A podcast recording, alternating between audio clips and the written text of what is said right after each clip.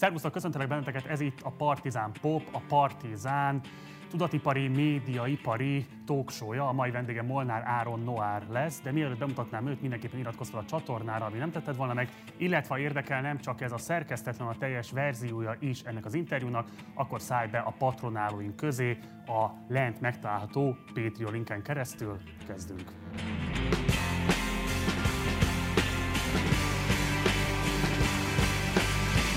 És akkor fordulok is a vendégemhez a stúdióban, aki Molnár Áron Noár. Szevasz, köszi, hogy eljöttél. Szia Marci, köszönöm a meghívást. Egy dolgot megengedsz, csak az Annyira elején... tudtam, megnéztem minden interjút veled, és lemertem fogadni, és a szerkesztő kollégámmal fogadtam is benne, hogy amit az Alindánál elsütöttél, itt is el fogod sütni, hoz kínos helyzetbe, gyerünk, halljuk. Jó, köszönöm szépen, szóval csak annyi, hogy én, de, de, de nekem tényleg megtisztelő, hogy meghívtál. Én nagyon szerettem a műsort, és tegnap is ezzel kezdtem, ezt néztem, ezt a műsort. Hány gyerekszobád volt, Áron? Úgy volt, hogy ugye volt a hugomé, volt az enyém, Uh, igazából tulajdonképpen az egész gyerekkorom egy gyerekszoba volt. Tehát, hogy, uh, mivel... Akkor rendesen kiártad a gyerekszobát, azt elmondhatjuk. Persze, persze, csodálatos gyerekkorom volt. Igen, egy, egy nagyon pici dolog, csak annyi, hogy a noár az maga a mozgalom. Uh, mert egy mozgalom lett belőle, tehát igazából eleinte csak egy ilyen, tehát ez már nem csak én vagyok, tehát ez már több annál. Tehát Ezt a... művésznévként már nem használod? Nem, egyáltalán nem. Sőt, kifejez, nem? nem kifejezetten figyelek arra, hogy például amikor megkérdezik, hogy hogyan apostrofálják, vagy hogyan tüntessenek fel, akkor Molnár Áron, színész, aktivista, a Noár mozgalom alapítója. Vendégünk Molnár Áron színész, aktivista, a Noir mozgalom alapítója. Szervusz, köszöntelek a stúdióban. Szia Marci! Kezdjük a legelejénél, jó? Te Szerbiában születtél, Igen. és ha jól tudom, négy éves korodban jöttetek át Magyarországra, a háború elől menekültetek 91-ben, tehát gyakorlatilag rögtön, ahogyan kirobbant a konfliktus. Miért hozták meg a szüleid rögtön ezt a döntést? Hiszen nem biztos, hogy 91 még lehetett azt érezni, hogy ennek milyen végkimenetel lesz majd miért hagytatok hátra egzisztenciát, barátokat és tagokat is? Igen, mondtad, hogy menekültünk, és nagyon érdekes, hogy a szüleim mindig, amikor feljön ez a téma, akkor azt mondják, hogy mi nem menekültünk, hanem uh, mi átjöttünk. Uh, van ebben egyfajta uh, egy ilyen tartás ebben a dologban, meg az, hogy igazából még akkor nem kezdték el bombázni például Szerbiát, tehát hogy akkor nem, nem, egy, nem, egy, nem egy bombázott országból kellett átjönnünk Magyarországra, viszont már akkor lehetett érezni, tehát mint tudom, édesanyámmal vagy édesapámmal, amikor beszélünk a tesómmal, akkor azért ott lehetett érezni, hogy ott azért elég kemény helyzetek voltak. Tehát, hogy a fateramat hogy akarták behívni, a tökrészek postás hogy rakta rossz helyre be a levelet, és ezért nem kapta meg például az apám a behívót, a a háborúba, szóval ott azért elég kemény dolgok voltak 91 körül, és akkor ezt megérezték a szüleim, és akkor mondták, hogy akkor létsz. Ugye Bácska Fekete-hegyen éltetek? Nem, Újvidéken. Újvidéken? A Feketicsen, ö, ott ö, miket tudsz, elképesztő vagy. Ö, ott ö, édesapámnak a szülei laktak. Aha. Vagy laknak még mai napig. Tehát az Hogy kell elképzelni, tehát Újvidékhez képest ez milyen? Egy óra. Egy óra. Egy óra körülbelül, aha, igen. Mennyire voltak erőteljesek az etnikai feszültségi 80-as évek végén, 90-es évek elején? Feketicsen? Én, figyelj, én gyerekként arra emlékszem, hogy fára másztunk. Érted? Tehát, hogy ott a szüleid mit meséltek az ő Semmi. Tehát, hogy semmi ilyesmi nem volt. Tehát még a politika el nem kezdte kirobbantani igazából ezeket a feszültségeket. Ott uh, szerb, magyar együtt élt, együtt bulizott, volt egy óvoda, ahol ott együtt volt édesapám, édesanyámnak voltak rádióadói, vagy mi ez, rádió műsora. Azt lehetett érezni, hogy így mindenki együtt van. Érted? Tehát, és ők, az ő legnagyobb fájdalmuk szerintem, vagy amikor így beszélgetünk velük, az, hogy hogy, hogy a politika hogyan szakíthatta szét ennyire ezt a, ezt a fantasztikus társaságot, aki ott összegyűlt. De 91-re ez megtörtént. Igen. Igen, ott elkezdődött egy, egy brutális szétszakadás. És ráadásul aztán utána, amikor elkezdtünk visszajárni, ugye mi négy éves volt, amikor átjöttünk, és kb. 5-6 éves koromban mentünk vissza, és akkor már lehetett érezni, hogy itt már nagyon-nagyon más a hangulat, nagyon-nagyon más a hozzánk való hozzáállás. És ez szerintem ez is. Játszottok vissza folyamatosan? Tehát 91-től kezdődően? Ki, azt hiszem két év múlva mentünk vissza, igen. Egy vagy két év múlva mentünk vissza. Tehát egy évet azért itt töltöttünk. Igen. És nagyon durva képzeld, hogy én tudtam szerbül. Tehát én, amennyire egy négy éves beszél szerbül, anyanyelvi szinten beszéltem szerbül. Szerbóvióba jártam, és így. És uh, aztán visszamentem, és emlékszem, hogy egy barátom így elkezdett nekem beszélni nekem szerbül, és én mindig annyit mondtam neki, hogy fú, jebote, jebote, ú, jebote. A jebote azt jelenti, hogy hú, baznek, hú, baznek, hú, baznek, mert ennyire emlékeztem. És aztán, amikor volt egy komplexebb kérdés, akkor, akkor így látszott, hogy így nem, nem, nem megy át, és akkor kérdezte, hogy Áron, ti ne szerbszki, hogy nem beszél szerb, és mondtam, hogy ne.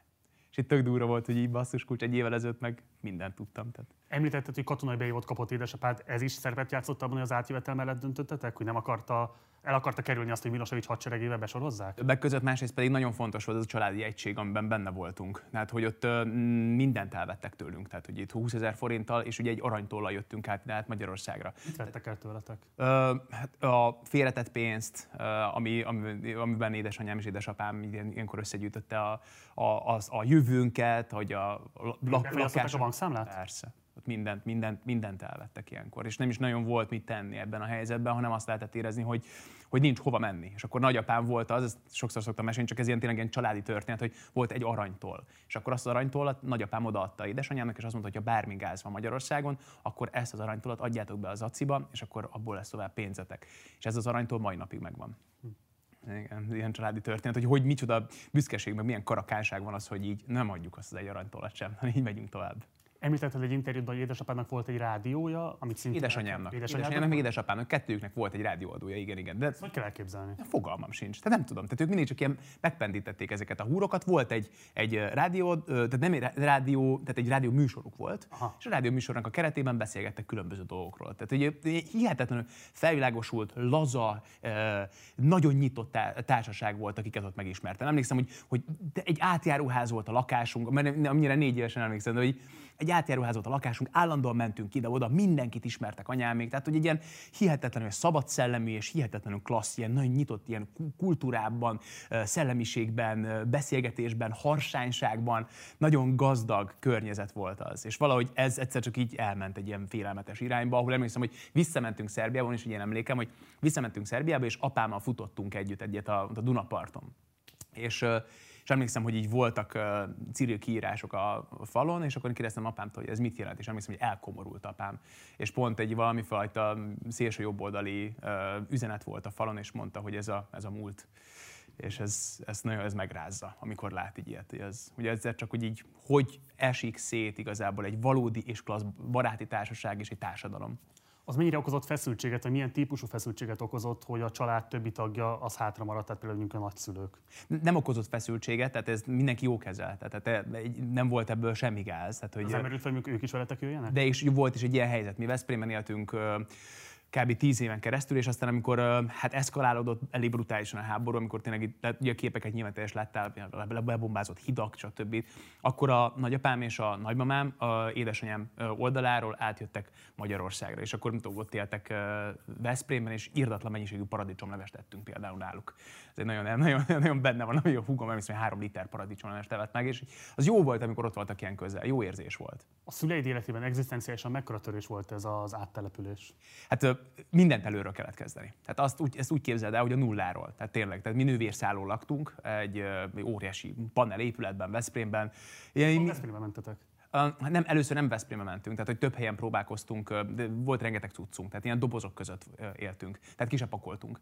És akkor az úgy képzeld el, hogy ez úgy nézett ki, hogy például volt egy ekkora szoba, mint mondjuk ez a a stúdiód, kaptunk egy ilyen, egy, mint tudom, egy hétre megkaptuk ezt a helyet, és akkor azok a dobozok így körbevettek minket, de édesanyám és édesapám miközben dolgoztak, fogalmam sincs, hogy mit, nem is, én nem is értem, hogy hova mentek, de, de közben várat építettek nekünk a dobozokból, közben egy autót csináltak egy kartondobozból, aminek a pedáljai azok cipők voltak, és a gombok azok meg boros üvegeknek a, a dugói, és akkor azokkal kiegészítették a, az autónak a belsejét, és mi a hugommal ebben a mesevilágban éltünk. Akkor például volt a nyenyőke története. A nyenyőke, azt nyilván nem tud, az egy családi fogalom volt. A nyenyőke az azt jelenti, hogy az egy ünnep volt a családban, amikor nyenyőke volt. A nyenyőke az, amikor a tésztára piros aranyat és majonézt összekeversz, az a nyenyőkkel, és akkor azt rárakod a tésztára. És akkor ezt tettük egy hétig. De maga igazából az egész narratíva, ami volt például, hogy, hogy ez mi, hogy ez ünnep, hogy a, hogy a kartondoboz az egy autó, hogy a, a dobozok, amik körülvesznek minket, az egy vár, ez a mese. És ez a fajta fantázia világ, amiben mi belenőttünk a hugommal, mi nem traumaként éltük meg, hanem kalandként. És minden egyes pillanatban, amikor mentünk előre, minden egyes lépés a szüleink részéről ezt a fajta attitűdöt örökítette át a hugommal belénk, hogy mindig pozitívan, nézd meg a pozitív részét a dolgoknak, nézd meg, hogy hogyan alakíthatod át ezeket a ezeket az érzéseket, amelyek. Akkor ti nagy szegénységben éltetek, és a szüleid úgy védtek hát, benneteket, nagyon. hogy egy mesevilágot kreáltak igen. ennek az elviseléséhez. Igen, mi, az, mi azért, igen, tehát hogy az, igen, ez valóban szegénységben éltünk, és ez tényleg így volt, de mi ebből a hugommal nem éreztünk semmit, sosem éreztették velünk ezt. Akkor sem, amikor már közösségekbe jártatok, és láttatok más gyerektörténeteket, más gyereksorsokat is? Há, hát képzeld el, hogy olyan kreativitást és fantáziavilágot vittünk el más társaságokba, ami sok, sok gyerekben nem volt meg. És az, mi voltunk azok, akik a játékot kitaláltuk, a kalózóst, a stb. Hozzánk jöttek. Érted? Tehát, hogy, mert ott volt a kaland, ott volt a buli, ott voltak a történések, ott pesgett az élet. De tök mindegy volt, hogy nekünk nem volt olyan dolgunk, mint, ami, mint egy barátomnak, vagy, vagy hatszor gazdagabb embernek. A kaland nálunk volt, az élmény nálunk volt. Azt mondod, hogy nővérszálon éltetek, ez hol volt pontosan, hogy hogy kell ezt elképzelnünk? Ez volt az a lakás, amire most az előbb utaltál? Uh, nem, nem, nem, az, az, ezt mindig, mindig összekeverem, édesanyám ilyenkor mindig le volt, amikor visszanézi az adásokat, azt hiszem szombat helyen volt szerintem, de néha mondtam már Kecskemétet is, összekavarodnak a fejem, és most is le fog oltani az adás után, de hogy uh, ezután mentünk uh, uh, még, még egy városba, és aztán utána abból a városból mentünk át uh, Veszprémbe. És akkor Veszprémben volt először ez a maga a, a növérszálló. A növérszálló ez Veszprém ilyen különös kerületében volt, ez egy jutasi lakótelepen volt, jutasi lakótelep környékén, de mi a hugommal mi lakótelepi gyerekek voltunk. Tehát, hogy a bunyók, a, a balhék, a stiklék, a csibészségek, azok, azok ilyen igazi lakótelepi feelingből jöttek. Ugyanúgy, ahogy a sport is. Tehát édesapám ő a sportnak a szeretetét örököltette, vagy örök, tőle örököltük ezt a dolgot. Tehát a kosárlabda az életünk részét képezte. Tehát amikor megkérdezi valaki, hogy a hip-hop az hogy jött, akkor az úgy jött, hogy amikor ott voltunk már, a, akkor már nem is a Csolnokin laktunk, hanem, hanem vagy akkor a Csolnokin laktunk, nem a Jutasin, és ott volt egy kint egy ilyen óriási nagy kosárpálya. És a kosárpályánál, a kosárpálya mellett volt egy görkori pálya, meg egy deszkapálya, egy félcsővel, nem ezt vágod, a, ahol így a deszkás van görkorisok nyomja, és ilyen óriás hangfalakból szólt egész nap a hip-hop. Tehát egész nap mi abban éltünk. Tehát minket kimentünk az utcára reggel 8-9 körül, este sötétedéskor fél 9, fél 10 körül hazamentünk, és addig ott szólt mellettünk a hip-hop. Tehát mi abban nőttünk fel a hugommal. És ez egy minden további nélkül befogadó közeg volt? Tehát soha nem éreztették veletek azt, hogy ti határon túli magyarok vagytok? Hát, ez olyan érdekes történet volt. Mert tudom, hogy később igen, de hogy itt ebben az első nem, találkozásban. Nem, nem, nem, nem, ebben soha. Dehogy is. Nem is volt erről szó. Dehogy is. Ezek az ostobaságok mindig akkor jönnek ki, hogyha valaki sértett. Uh-huh. És itt nem volt sértettség. Itt az volt a, itt a sértés az volt, hogyha szart pazd adtál valakinek érte. Tehát akkor ott ment az oltogatás. De hát az más, más később, amikor ezt felhasználták ellenünk, a, először az egyik osztályfőnökünk az általános iskolában, amikor én harmadikos voltam, nonsens, és aztán utána pedig a, a szülők és a gyerekek is elkezdték, elkezdtek minket azzal csúfolni, vagy engem csúfolni, hogy román menekült vagyok. Mert hogy a szüleim nem írtak alá valami papírt, ami támogatta volna az akkori osztályfőnökömet általános iskolában, hanem szeretett volna utána járni. Ennek milyen nézem majd utána, de most Jó. egy picit még a szüleidnek milyen beilleszkedési nehézségei voltak? Mennyiben volt befogadó közeg akkoriban Magyarország, és kifejezetten a Veszprémi közösség? Hát azt kell tudni, hogy itt Magyarországon ilyen nagyon sok vajdasági él, és ezért a vajdaságiak megtalálják pikpak egymást. Uh-huh. Egyébként fogalmam sincs, hogy hogy sikerül, de hogy megtalálták. Tehát, hogy például volt egy osztály, egy gimnázium, vagy általános iskolában egy évfolyamtársam, akivel összehaverkodtak a szülők, és azok a szülők ismertek vajdaságiak, a vajdaságiak, és egyszer csak már ott voltunk kint az erdőben, óriás sütögetés, vajdaságiak, valaki szerbül beszélt, valaki Erős szolidaritás volt ezek között az emberek között. Persze, persze, igen. Meg, meg tudod, a, valami hogyha én beszéltek a szüleim nevében, vagy ahogy én az én gyerekszemmel láttam, az talán az, az volt, hogy az egyivású attitűd volt az, ami visszajött. És ez az, ami miatt boldogok voltak. Ez az, ami az volt, hogy de jó, meg lehetett örülni a másiknak, meg lehetett örülni egy hangos szónak. Mert például ugye engem nagyon sokszor ér az, hogy ho, ho, ho, visszább az agarakkal, hátrébb, kicsit sok, kicsit sok, meg milyen agresszív. És én észre se veszem, pedig csak van egyfajta attitűd, vagy van egyfajta harsányság, ami, ami a vajdaság, mondja a szerbeknél, ez egy tök evidens dolog. Mm. És, és például emlékszem, hogy a hugom, ő Amerikában tanult, ő antropológus, mesterdiplomával, és ő emlékszem, mesélt egy sztorit két horvátról, akit följelentettek a kampuszban, mert egy lány megijedt az ő viselkedésüktől, és, és az, azt hitte, hogy itt óriás balhé. És, följel, és két srác pedig arról beszéltek, hogy hova menjenek kajálni az indiaiba vagy a kínaiba. Csak más volt az attitűd. Hm. És ez velem kapcsolatban nagyon sokszor előjön, hogy hogy, hogy, hogy túl agresszív, vagy hogy túl indulatos. És olyankor nem is indulat van, hanem, hanem egyfajta, nem tudom, egy olyan vérmérséklet van bennem, ami ott, ott ilyen evidencia. Hm. Ez a vérmérséklet mikor ütközött ki először, hogy probléma vagy konfliktus forrása lehet? Hát um, gimnáziumban talán. Gimnázium, gimnázium környékén vettem észre, hogy egy ilyen kezeletlen, kezeletlen ügy lett belőle. Tehát éreztem, hogy így um, de az már inkább valóban az, az már inkább a frusztráltság, az agressziónak a története volt gimnáziumban, de, de leginkább mikor ütközött ki, az nem is gimnázium, ez most, amióta, amióta a közügyekkel kezdtem el foglalkozni. Tehát itt van egyfajta olyan, egy, ilyen, szerintem egy APC stílus, amiben amiben nem, nem szabad megemelni a hangodat, mert mm. akkor, mert akkor és valamiféle uh, ilyen, ilyen leereszkedik ez a, ez a PC róló. És uh, szerintem ez nagyon rossz, mert uh, sok helyzetben én sem arra figyelek például a Kolnai Kovács Gergely, a Noár szóvivője, ugyanilyen harsány, mint én. Nem azt figyelem, hogy hogy mondja, hanem amit mond. Uh-huh. És sok helyzetben szerintem ezt a szűrőt alkalmazni kell, mert különben az lesz, hogy így, hogy így néma, néma csöndben alig hallhatóan fogunk egymásnak iszonyatos dolgok, okos dolgokat mondani. Ugye arról beszéltél, hogy neked a gyerekkorod kifejezetten egy ilyen nagyon erős fantázia világban telt, nagyon szeretetteljesen, viszont az interjúban arról beszélsz, hogy bekerültél az általános iskolába, az iskolai intézménybe, ott nagyon komoly frusztrációkat kellett megélned, nagyon komoly kiközösítést és nagyon komoly um, harag kezdett el kiépülni benned. Mik voltak ennek a fontosabb állomásai? Mesélj erről egy kicsit. Hát de az előbb egy megpendítettem ezt a dolgot, de most kicsit részletesebben belemegyek. Tehát, hogy volt egy osztályfőnökünk harmadikban, aki valamiféle támogatásban kellett majd részesüljön. Valamiféle aláírásgyűjtésbe kezdett az osztályukon belül. Politikai vagy valami iskolán belüli? Fogalmam Nem, lehet iskolán belül, de nem, én nem is, nem is emlékszem erre. és, és arra emlékszem, hogy a szüleim nem egyből írták alá, tehát nem vak hittel mentek bele ebbe a történetbe, hanem szerették volna tudni, hogy ez micsoda. És az én szüleimen kívül még egy osztálytársamnak a szülei voltak, akik nem írták alá, egyébként minden szülő aláírta, és ezért lett egy ilyen egy hadjárat a szüleim ellen, hogy ezt hogy képzelték ezt a dolgot, nem írják alá, és elkezdődött egy áskálódás a szüleim felé, ami aztán utána suliban rajtam csattant, mert hogy így úgy elkezdtek pukkanni ezek a rettenetes ökörségek a szülők vagy az osztályfőnök részéről, vagy szülők és osztályfőnök részéről, és egyszer csak abban találtam magam, hogy egy ilyen hihetetlen klassz, meg szuper közösségben, amiben benne vagyok, egyszer csak bemegyek, és, és nem beszélnek velem. Ö, első pár nap. És megyek oda játszani, elmennek tőlem. Ö, következő pár nap elkezdenek román menekültnek csúfolni. De... Ezt szerinted a gyerekek levették a szülők hangulatából, vagy pedig maga a tanár ezt kifejezetten szította? Szerintem ez mind a kettő. Ez mind a kettő benne volt. Sőt, ráadásul szerintem otthon ment ilyen, otthon is ment az áskálódás a tanár részéről. Tehát, hogy egy gyerek nem mondja, úgy, hogy három évet együtt töltünk, utána három év után nem mondja nekem azt, hogy román menekült, miközben két évvel ezelőtt fogócskáztunk.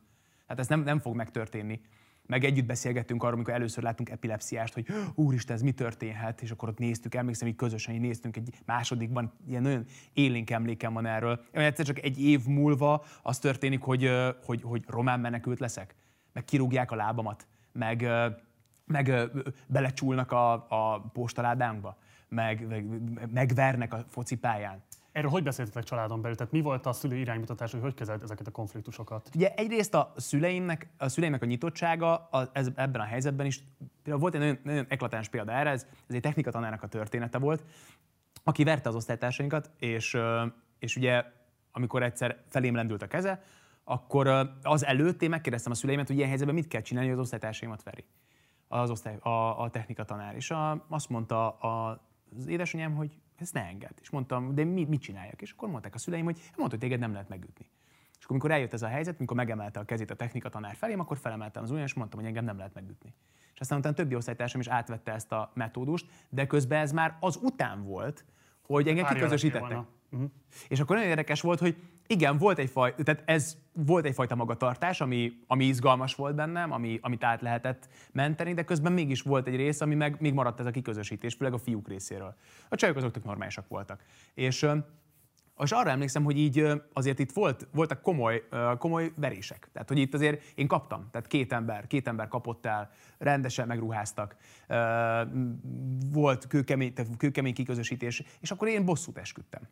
Marci. Én úgy döntöttem, hogy én ezt, ezt, ezt nem fogom én ezt hagyni, és, és megmondtam, hogy az én életemet nem, nem fogjátok tönkretenni, és otthon is, amikor meséltem ezekről az ügyekről, vagy nagyjából így megpendítettem, akkor mind ő, édesapám is, meg édesanyám is azt mondták, hogy ne hagyd magad. Hogy, és akkor direkt elmentem felsősökkel barátkozni, felsősökkel kosárlabdázni. Eleinte ők is megvertek, és aztán elkezdtem nekik vicceket mesélni ez volt a technikám. Volt egy óriási könyv, amit nagyapámtól kaptunk, az 1001 vicc, és akkor volt benne anyós vicctől elkezdve az állatvicceken át, a pajzán vicceken keresztül, és én minden nap nyitottam ki ezt a könyvet, kinéztem egy viccet, egy, azt nagyjából megtanultam, és következő nap, amikor bementem a suliba, akkor a felsősöknek elmeséltem ezt a viccet, és szakadtak a röhögést. És én minden nap egy hónapon keresztül készültem viccekkel. És a végén, mint tudom, két hét után, mert ők várták a vicceket, hogy mondom, hogy na mi a, mi a mai vicc. És egyszer csak bevettek a bandába. Ez volt az első előadóművészeti sikered? komolyan kérdezem. Igen, abszolút. Nem. Felfedezted azt, hogy igazából a szórakoztatással tudsz magadnak teremteni olyan védettséget, vagy elfogadottságot, amivel korábban nem rendelkeztél. Abszolút, igen, pontosan, igen. Ez volt az. Igen, a viccmesélés. Az is kérdezem ezt, mert egyébként beszéltél már korábbi interjúban is erről a technikatanáról, aki verte a diákokat, és ott is elmondtad ezt, hogy a szüleid azt mondták, hogy állj ki magadért, védd meg magad. És engem érdekel az, hogy a szüleid ennél mentek-e beljebb ebben? Tehát volt-e olyan helyzet, hogy ők mondjuk kezdeményezték egy tanárral a beszélgetést, kezdeményezték mondjuk azt, hogy valamilyen módon megvédjenek egy ilyen szituációban? Mennyiben képes egy diák vagy egy kisgyerek egy ilyen helyzetben egyébként megvédeni saját magát egy fizikailag abúzív technikatanárral szemben? Hát figyelj, a szüleim, ők vívták a saját csatájukat a tanárral, de azt, amit a gyerekek közeget csinál, abban nagyon nehezen tudsz beleszólni. Sok helyzetben nincs velem ott mindig édesanyám, nincs velem ott édesapám, hiába vérteznek föl, hiába mondják az osztályfőnöknek, hogy mik, le, mik lehetnének az irányok, mire, tehát, hogy mi történik a gyerekkel, hogy megverik, stb. stb. Nem, nem. Tehát a gyerekek azok, ez egy, ez egy brutális közeg volt is. Az nagy kérdés, hogy például hogy tökéletes volt, hogy, hogy miért nem emeltek ki ugye ebből a, ebből a közegből. De aztán ugye, mivel nekem elkezdett, elég gyorsan aklimatizálódtam az idősebbeknél, azért érezhető volt, hogy elkezdtek engem megvédeni. És akkor emlékszem, hogy volt, hetedikben volt egy, egy listám, amit belevéstem az asztalba, ez, ez volt az én hát így ilyen rémisztő lista, hogy így kim fogok bosszút állni. És akkor én elkezdtem kondizni, boxolni. Hány éves korodban volt? 13, azt hiszem, 13 éves lehet. 13 évesen elkezdtél kondizni. Igen, igen, igen. Hát már előtte is ugye sport, ugye benne volt az életem, a kosárlabda, stb. De hogy én tudtam azt, hogy azért akarom végül majd kigyúrni magam, meg azért akarok erősebb lenni, hogy aztán bosszút tudjak állni azokon az embereken, akik elvertek, ellopták, beleköptek, stb. akik tönkretették igazából addig életemnek a bizonyos részét. És, és emlékszem, hogy nyolcadikos voltam, amikor volt egy évadnyitó. Évadnyitó? évnyitó. Hát, tanévnyitó, igen. tanévnyitó. És, és álltunk a, a, állt az osztály, mindenki énekelte a himnuszt, óriás melegben, mindenki fehér ingben, meg, meg nadrágban, és emlékszem, hogy én, én, én két éve edzettem, és emlékszem, hogy hátrafordultam így a, a, az arcokhoz, akik, akik abuzáltak, és azt mondtam nekik, hogy téged, téged, és téged, és téged meg foglak verni. És így emlékszem, hogy így azok az arcok így lefagytak, nem értették. Én meg tudtam, hogy marha erős vagyok, tehát hogy tudok már bunyózni, sokat is verekedtem akkor. És akkor láttam rajtuk, hogy így lefagynak. És az volt, hogy így visszafordultam, és elkezdett az iskola, és pikin is hagytak. De azt éreztem, hogy így, Jézusom, tehát hogy tényleg ez lesz a megoldás. Dehogy is. Hogy így nem. Tehát én inkább egy... Erre ott jöttél rá rögtön? Így, nem, nem, utána a következő hetekben. Hogy így mi a francért akarnám ezt csinálni? Nem váltottad be a fenyegetést? Dehogy, be, dehogy váltottam be. De azért, mert rájöttem, hogy sokkal izgalmasabb az, hogyha én kikerülök ebből a közegből. Hogyha én ugyanazt az élmény alapú kalandokat kínálom a, az idősebbeknek, vagy az idősebbekkel megélem, vagy elmegyek Budapestre, vagy tényleg azt, azt fogom hajtani, hogy, színi, amit színész akartam lenni, ugye már négy évesen elhatároztam, hogy tényleg e felé megyek, akkor sokkal nagyobb győzelem lesz velük szemben, mint hogy most egyszer elkenem a szájukat. Azért kérdezem ezt, mert ugye 12-13 éves vagy akkoriban. Igen. Uh, nyilvánvalóan egy gyerek nem rendelkezik azzal a reflektáltsággal, vagy, vagy feltehetően nem feltétlenül rendelkezik azzal a reflektáltsággal, hogy képes legyen magát ilyen távolságból látni. Ráadásul te ott egy-két év után rendelkeztél olyan testi erővel, amivel korábban nem rendelkeztél, Igen. amikor elszenvedted ezeket a bántalmazásokat. Uh, mi az, ami megváltoztatta benned ezt a rettenetes feszültséget, amit okoztak ezek az emberek neked, és képes voltál ezt elengedni, mikor végre pont megszerezted azt a testi erőt, amit érvényesítettél volna velük szemben? Hát egyrészt pont a testi erő. Tehát egy idő után az magabiztosságot ad és nyugalmat. Nyugalmat is? Igen, persze. Persze. Nekem van egy nagyon jó barátom, a Farkas Tomi, ő gyerekkorától kezdve kungfúzik, 20 éve, és ő életében kétszer verekedett. Tehát ő, ő, ő tudja, tehát ő neki megvan. Tehát ő soha, soha életében nem fog annyira bunyózni, vagy beleállni egy bunyó, mert tudja, hogy, hogy lenyomja. Tehát az nyugalmat ad, meg a frusztrációt is kiviszi belőle sok helyzetben. Ezért nekem például ezért drog a mozgás. És ha nem mozgok, akkor meg akkor leszek frusztrált. Pont attól leszek, akkor, akkor kezdek el begörbülni, ideges lenni, agresszív, rossz, rossz energiák vesznek körbe. Nekem pont a mozgás a drog, az visz ki. Hm. És ez volt az akkor is. Kivitte a feszültséget, és nem törődtem már ezekkel az emberekkel, mert tudtam azt, hogy, hogy nem esebb a cél. Tehát, hogy te jó ég, tehát, hogy igen, 14-15 évesen már lehetett tudni, hogy így, igen, én nagyon szeretnék színész lenni, és így többre fogom vinni. Meg ott voltak az idősebbek, akikkel tényleg együtt már, akik a barátaim lettek, hm. akik, akikkel nagyon-nagyon más világ volt már. Meg hát ők meg is védtek. Például volt egy osztály, bocs, csak volt egy suli-buli, azt sose fele, suli-buli, nem tudom mikor mondtam ki ezt a kifejezést utoljára, akkor az volt, hogy elmennek a suliból, és megesküdtek, hogy engem szét fognak verni. Volt, voltak ilyen napok. És akkor, és akkor igen, igen. És akkor az volt, hogy, hogy emlékszem, hogy felhívtam a Táskai Zsolti barátomat, akit akkor az anyja nem engedett ki. Táskai Zsolt. Táskai Zsolt, igen, így hívták. Nagyon jó barátom mai napig. És Táskai Zsolti mondta, hogy most az anyja nem engedi ki, de hogy telefonál párat. És emlékszem arra, hogy így azok, akik el akartak kapni, én mentem ki a sulibuliról, mert úgy volt az ajtó előtt várnak, és ők kintottam az ajtót. A Táskai Zsolti vagy 20 embert szervezett oda az én védelmemre. Telefonon. Persze. Vezetékes telefonon. Persze. Tehát, zé, tehát azt nem is volt, abszolút, tehát igen, persze, nyilván mindenki Én otthon volt. Tudja kamatoztatni ezt a képességet. hát igen, de meg tudod, nyilván az volt, hogy mindenki otthon ült, nem tudom, nézik a tévét, áron bajban van. Ó, gyerünk, indulás, akkor tényleg, ilyenkor tényleg voltak baseballütők, boxerek, stb. Tehát nagyon különös helyzetek voltak, igen, és akkor megjelent az egész társaság, és akkor ott, ott bevédtek engem, viszont jó érzés volt. És akkor az volt, hogy ú, de jó, ez, ez, ez jó érzés. Egyszerűen megjelent a faterem, és mondta, hogy na jó, gyere, megyünk haza, és akkor apámmal kette hazamentünk, tudod, úgyhogy 20 ember így állt tetre készen, hogy így akkor gyerünk, akkor egy óriás bunyó legyen. Ne érts félre, nem számok én akarom a szülőt, csak pontosabban érteni ezt a helyzetet. Ráadásul mi nagyjából egy időben jártunk általános iskolába 90-es évek elején. Nálunk is volt egyébként egy abuzív tanár, a tánctanár, és nagyon pontosan emlékszem, hogy egyébként, amikor az egyik szülő a kirívóan abúzív tánctanárt eltávolította az iskolából, az egy ilyen fölfedezés volt Aha. gyerekeknek is, de a szülőknek is egyébként, mert ez a fajta viselkedés igazából nem volt kirívó. Tehát az, hogy egy tanár fizikailag bántalmazza a diákokkal szemben, hát ez így jár együtt az általános iskolás léttel, és ezzel ellen föl lehet szólalni, hogy ez nem normális, hogy ezt nem kell eltűrni. Emlékszem, hogy ez nekem akkor ilyen 7-8 éves gyerekként egy ilyen, ja, hogy ezt így is lehet, és utána erről én később egyébként sokat beszéltem édesanyámról, és ő is azt mondta, hogy a szülői közösségen belül is egy ilyen fölismerés volt, hogy igen, egyébként be lehet lépni az iskolai térbe, nem kell elviselnünk azt, amit a tanárok képviselnek a gyerekekkel szemben, tehát hogy föléphetünk védelmezőleg, ha azt gondoljuk, hogy igen, egyébként bántalmazás szenved el ezért kérdezem azt, hogy amikor egyébként van ez a technika tanár, vannak ezek a történetek, a te megítélésed szerint a szüleidben volt esetleg egy olyan gát, hogy akár azért, mert hogy határon túlról érkeztek, nem tagjai új organikusan a közösségek, mint a többi gyerek, tehát hogy, hogy, hogy volt-e benned szerinted egy ilyen, hogy Áron, ezt te old meg, és hogy benned volt esetleg emiatt számonkérés, hogy, hogy de, de ez nekem nem biztos, hogy a feladatom ennyi idősen, és nem biztos, hogy a lehetőségem és az eszközeim készen állnak ahhoz, hogy ezt ténylegesen meg tudjam oldani. Értem, hogy mondasz, inkább uh, én ilyen Rambo effektusban dolgoztam. Tehát Rambo effektusban? Rambo effektus az azt jelenti, hogy van az a vicc, amikor a, azt mondja, hazamegy a gyerek, és mondja, hogy uh, anya, képzeld, megvertek a suliban, és akkor mondja az anyja, hogy jó, hát akkor most bemegyek, és erre mondja a gyerek, hogy nem, nem, anya, ez az én harcom. És igazából én nem vittem haza ezeket a, a sokszor ezeket az élményeket. Inkább ben, ben számoltál be róla? Nem mindig. De nem, nem, nem. Nagyon sok mindenről nem számoltam be. Nagyon sok mindenről. Meg gondoltam, hogy ezt megoldom. Meg tudtam. Muníciót szereztem minden, otthonról, gondolatokat, vicceket a könyvből, erőt az edzésből, közösséget az idősebbektől. Tehát, hogy nagyjából összevisz, összeszedegettem magam köré azt a fajta védelmi bázist, meg csapatot, akikkel, meg, meg gondolatokat, amivel, amivel nem kellett hazavinnem feltétlenül ezeket a problémákat. Meg, meg szerintem nem, nem, nem gondolom, hogy tudatosan, de azért gyerekként tudtam, hogy ők azért nagyon kemény világban vannak benne. Tehát, hogy ők annyit dolgoztak, hogy megállás nélkül. Tehát, nem érezted méltónak a sérelmédet ahhoz, hogy ezzel őket fárazd? Dehogy is, úr, nem. Se, azt éreztem, hogy sokszor nincs is, de hogy nem, nincs közük ehhez. Inkább ők csinálják azt, amit csinálnak. Mert nem vártad el tőlük azt, hogy védjenek meg? Nem, dehogy is. Nem. És soha nem, nem. Gyengeségnek érezted volna, hogyha az tőlük érkezik a védelem? Nem, mert érkezett tőlük a védelem eleinte. De az, tehát eleinte az, hogy például a technika tanára kapcsolatos attitűd, vagy az, hogy, hogy ki kell állni magamért, stb. Ők elindítottak az úton. És utána nem mondtam azt, hogy hol tartok éppen, vagy merre tartok, hanem akkor csináltam azt, amit mondták. Tehát, hogy ők eleinte ők indítottak el. Az, hogy mi, mi legyen, a, mi legyen a, az alapattitűd.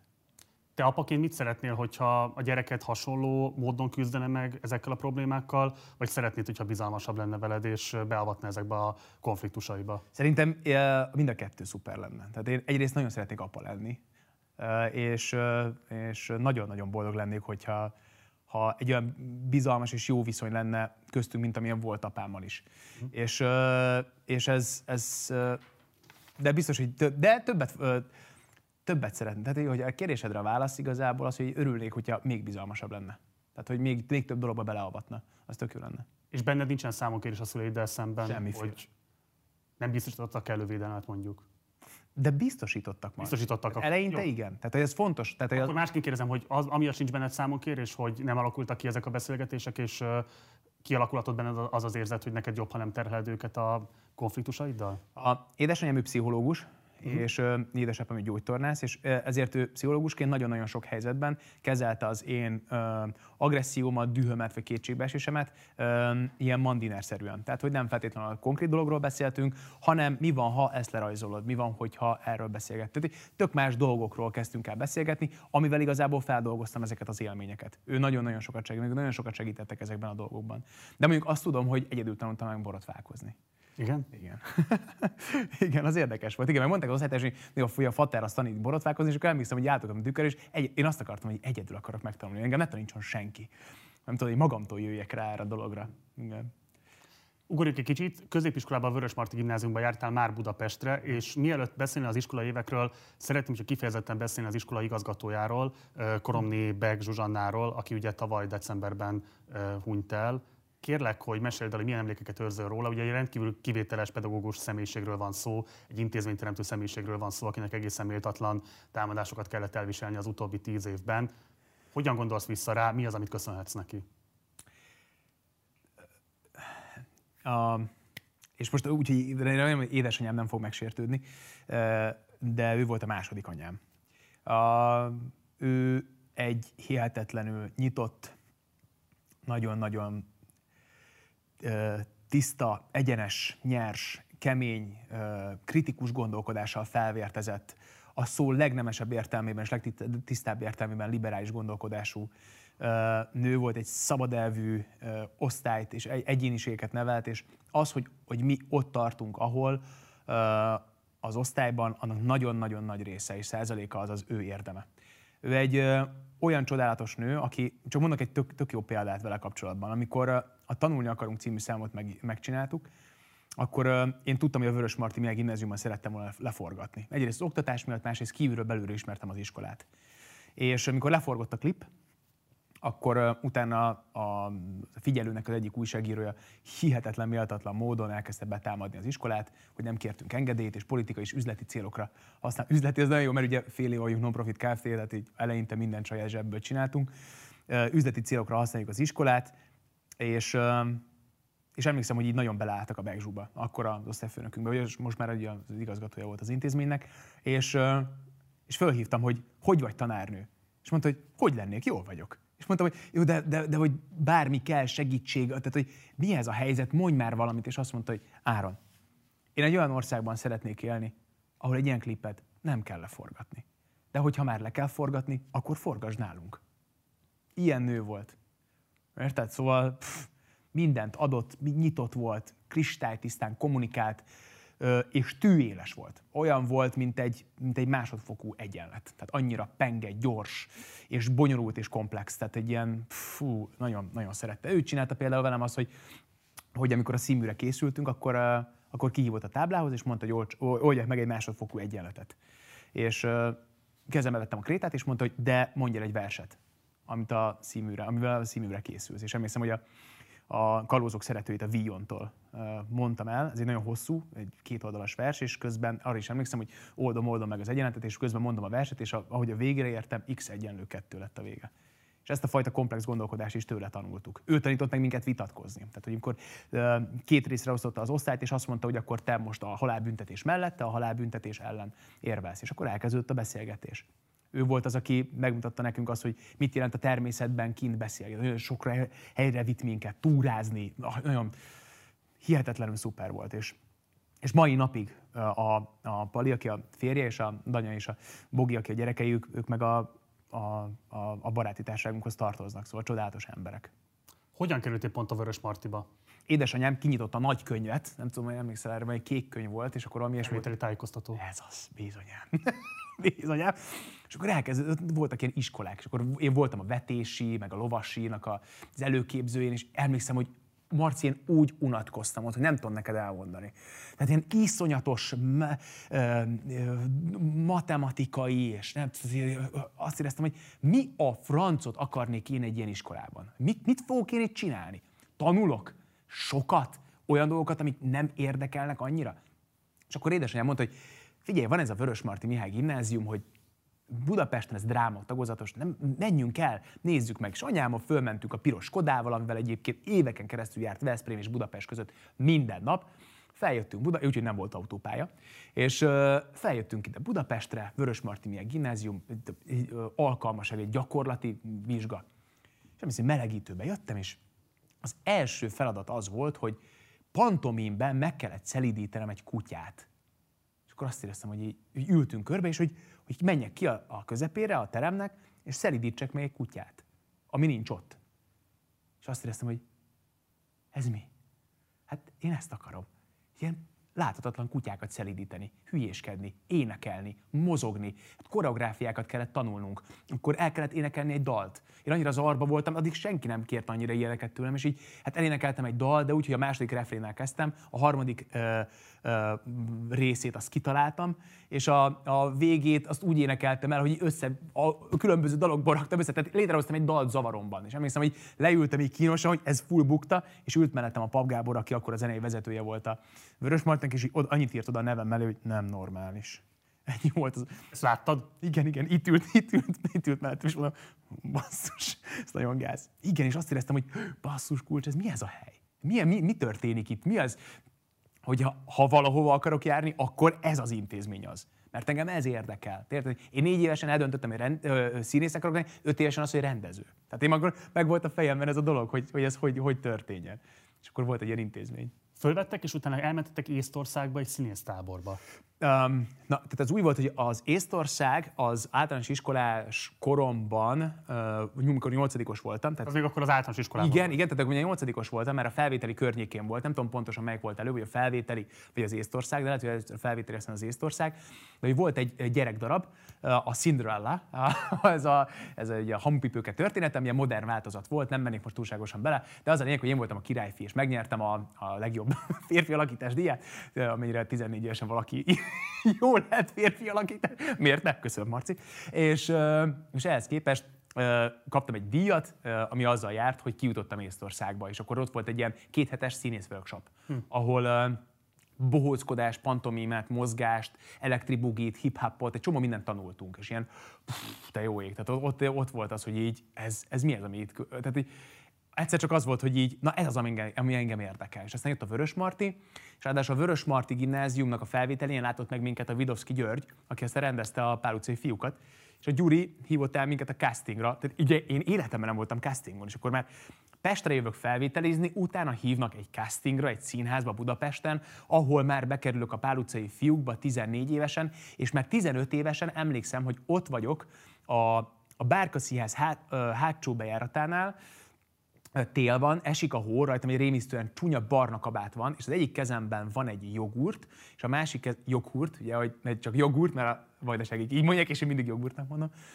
Van egy jogurt a kezemben, és egy fánk, ülök egyedül egy fatörzsön, eszem a fánkot, iszom a jogurtot, és várom a próbakezdést, és akkor azt éreztem, hogy valahogy, valahogy így képzeltem el a felnőtt létet. Érted? Az volt az, hogy egyedül eszem a dolgokat, egyedül vettem meg a saját pénzemből, és várok egy próbára, hogy ez menő. Tehát, hogy független vagy? Igen, igen, független vagyok. Egyszer csak az történt, ami, amire vágytam, hogy így, hogy úgy lehet nagy levegőt venni, és, a, és úgy, úgy lehet belemenni valamibe, valami különös dologba, amit egyrészt nem ismertem, milyen egyedül lenni egy fatörzsön, nem voltam sose Budapesten, nem voltam egyedül egy fatörzsön Budapesten, fánkot és jogurtot kajálva, miközben egy próbát várok, és akkor azt éreztem, hogy ez, ez egy új világ. Hogy jutott rád Budapest? Hogy jutott rád a 2000-es évek fővárosa?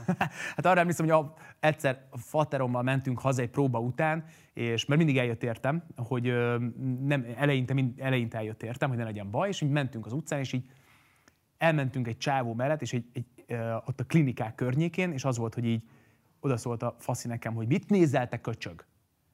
És emlékszem, hogy összerezzentem, a fater még oda húzott, valami oda szólt még a csávónak, de én még a, a sokjában voltam benne, hogy így mit mondott ez a faszi nekem, így remektem.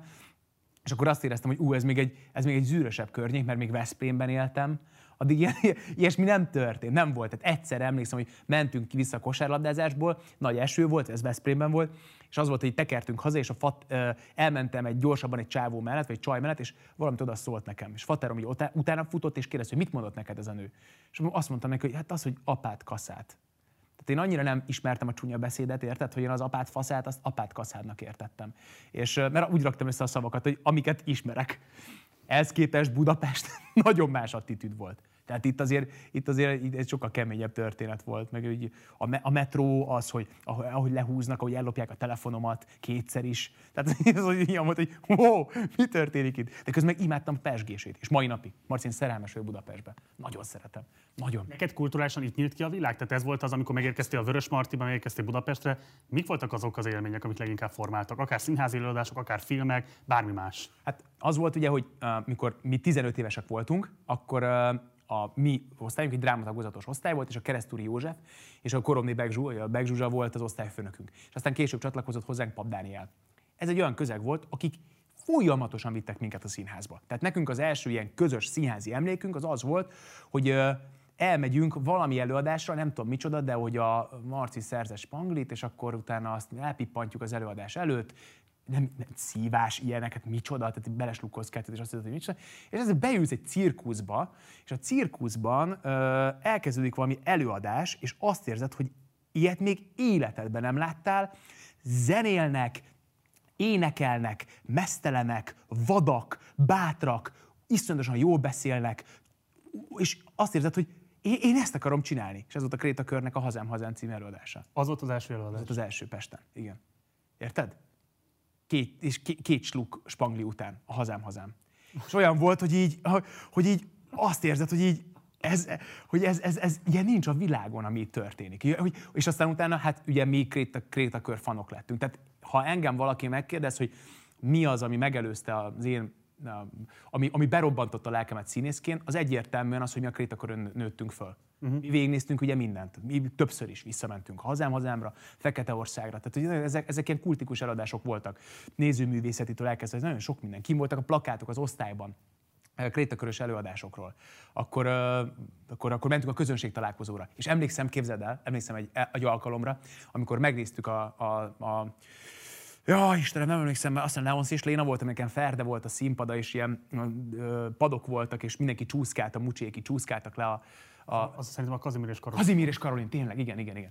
És, és marha érdekes volt, hogy, hogy vége volt az előadásnak, imádtuk, meg volt közönség találkozó, és, és akkor mindig úgy képzeltem el, hogy ez milyen jó közösség, és akkor így vége volt az előadásnak, és így eljöttek mellettünk a krétakörösök, mi az ajtónál álltunk, és mi beszélgettünk az előadáson olyan tök intenzíven, és eljött mellettünk a Nagy Zsolt, a Lángana Maria, a Mucsik, és mentek, hogy hello, sziasztok, és Zsolti kiment így a görkoriával, a Lángana Mariék is. És kimentek az ajtón, és azt éreztem, hogy ez mi? Nem maradnak itt sörözni? Nem maradnak itt beszélgetni? Hát ez, és egy óriás csalódás volt akkor nekem az. Én akkor még nem tudtam, hogy nem lehet minden eladás után ott maradni. Az én fejemben az volt, hogy itt minden eladás után mindig ott maradunk, kiértékeljük, becsicsentünk, átbeszéljük a dolgokat, a művészetnek a nagy dolgairól fogunk beszélgetni. Tehát mindig volt egy őrült vízió velük kapcsolatban. És arra is emlékszem egyszer, amikor elkéstem az első sirályeladást, kb. sirályt azt még négyszer láttam, a krétakörös sirály, de hogy elkéstem egyszer az első felvonásra, és kijött a Nagy Zsolt, pont vége volt az, a, az előadásnak, és kirohant, így rám nézett, szavasz, és így arra ment, és azt éreztem, hogy fú, de természetes. Fú, hát most jött ki a siránynak az első felvonására, és, és így rám köszön, azt éreztem, hogy hú, én is ilyen szeretnék lenni. Tudod, hogy az, hogy szerintem 15-16 éveset. Tehát ez. Volt, ami nagyon nem tetszett? Tehát volt, ami kifejezetten nem ezt a lelkesedést váltotta ki belőle, hanem épp ellenkezőleg nagyon felbosszantott, és nagyon ellene volt minden ízlésednek, érzékednek? A, a mondjuk a, a Vörös Marti alatt néztem előadásokat. Igen, igen, igen. De nem feltétlenül Krétakör. Nem, bármi. Víg Színház. Hát amikor megnéztük a kertet, azt, azt nem hittük el. Hát úgy jöttünk ki róla, hogy én soha nem akarok ebbe a színházba jönni. Én eszem ágában nincs ebbe a színházba idején, gyakor, nem gyakorlatra, sehol. És akkor Farkas Dénes barátom mondta azt, hogy te ebbe a színházba leszel. Itt leszel. Mondom, én? Te hülye vagy? Hát hogy lennék itt? Hát láttad ezt az előadást? Hát mi történt?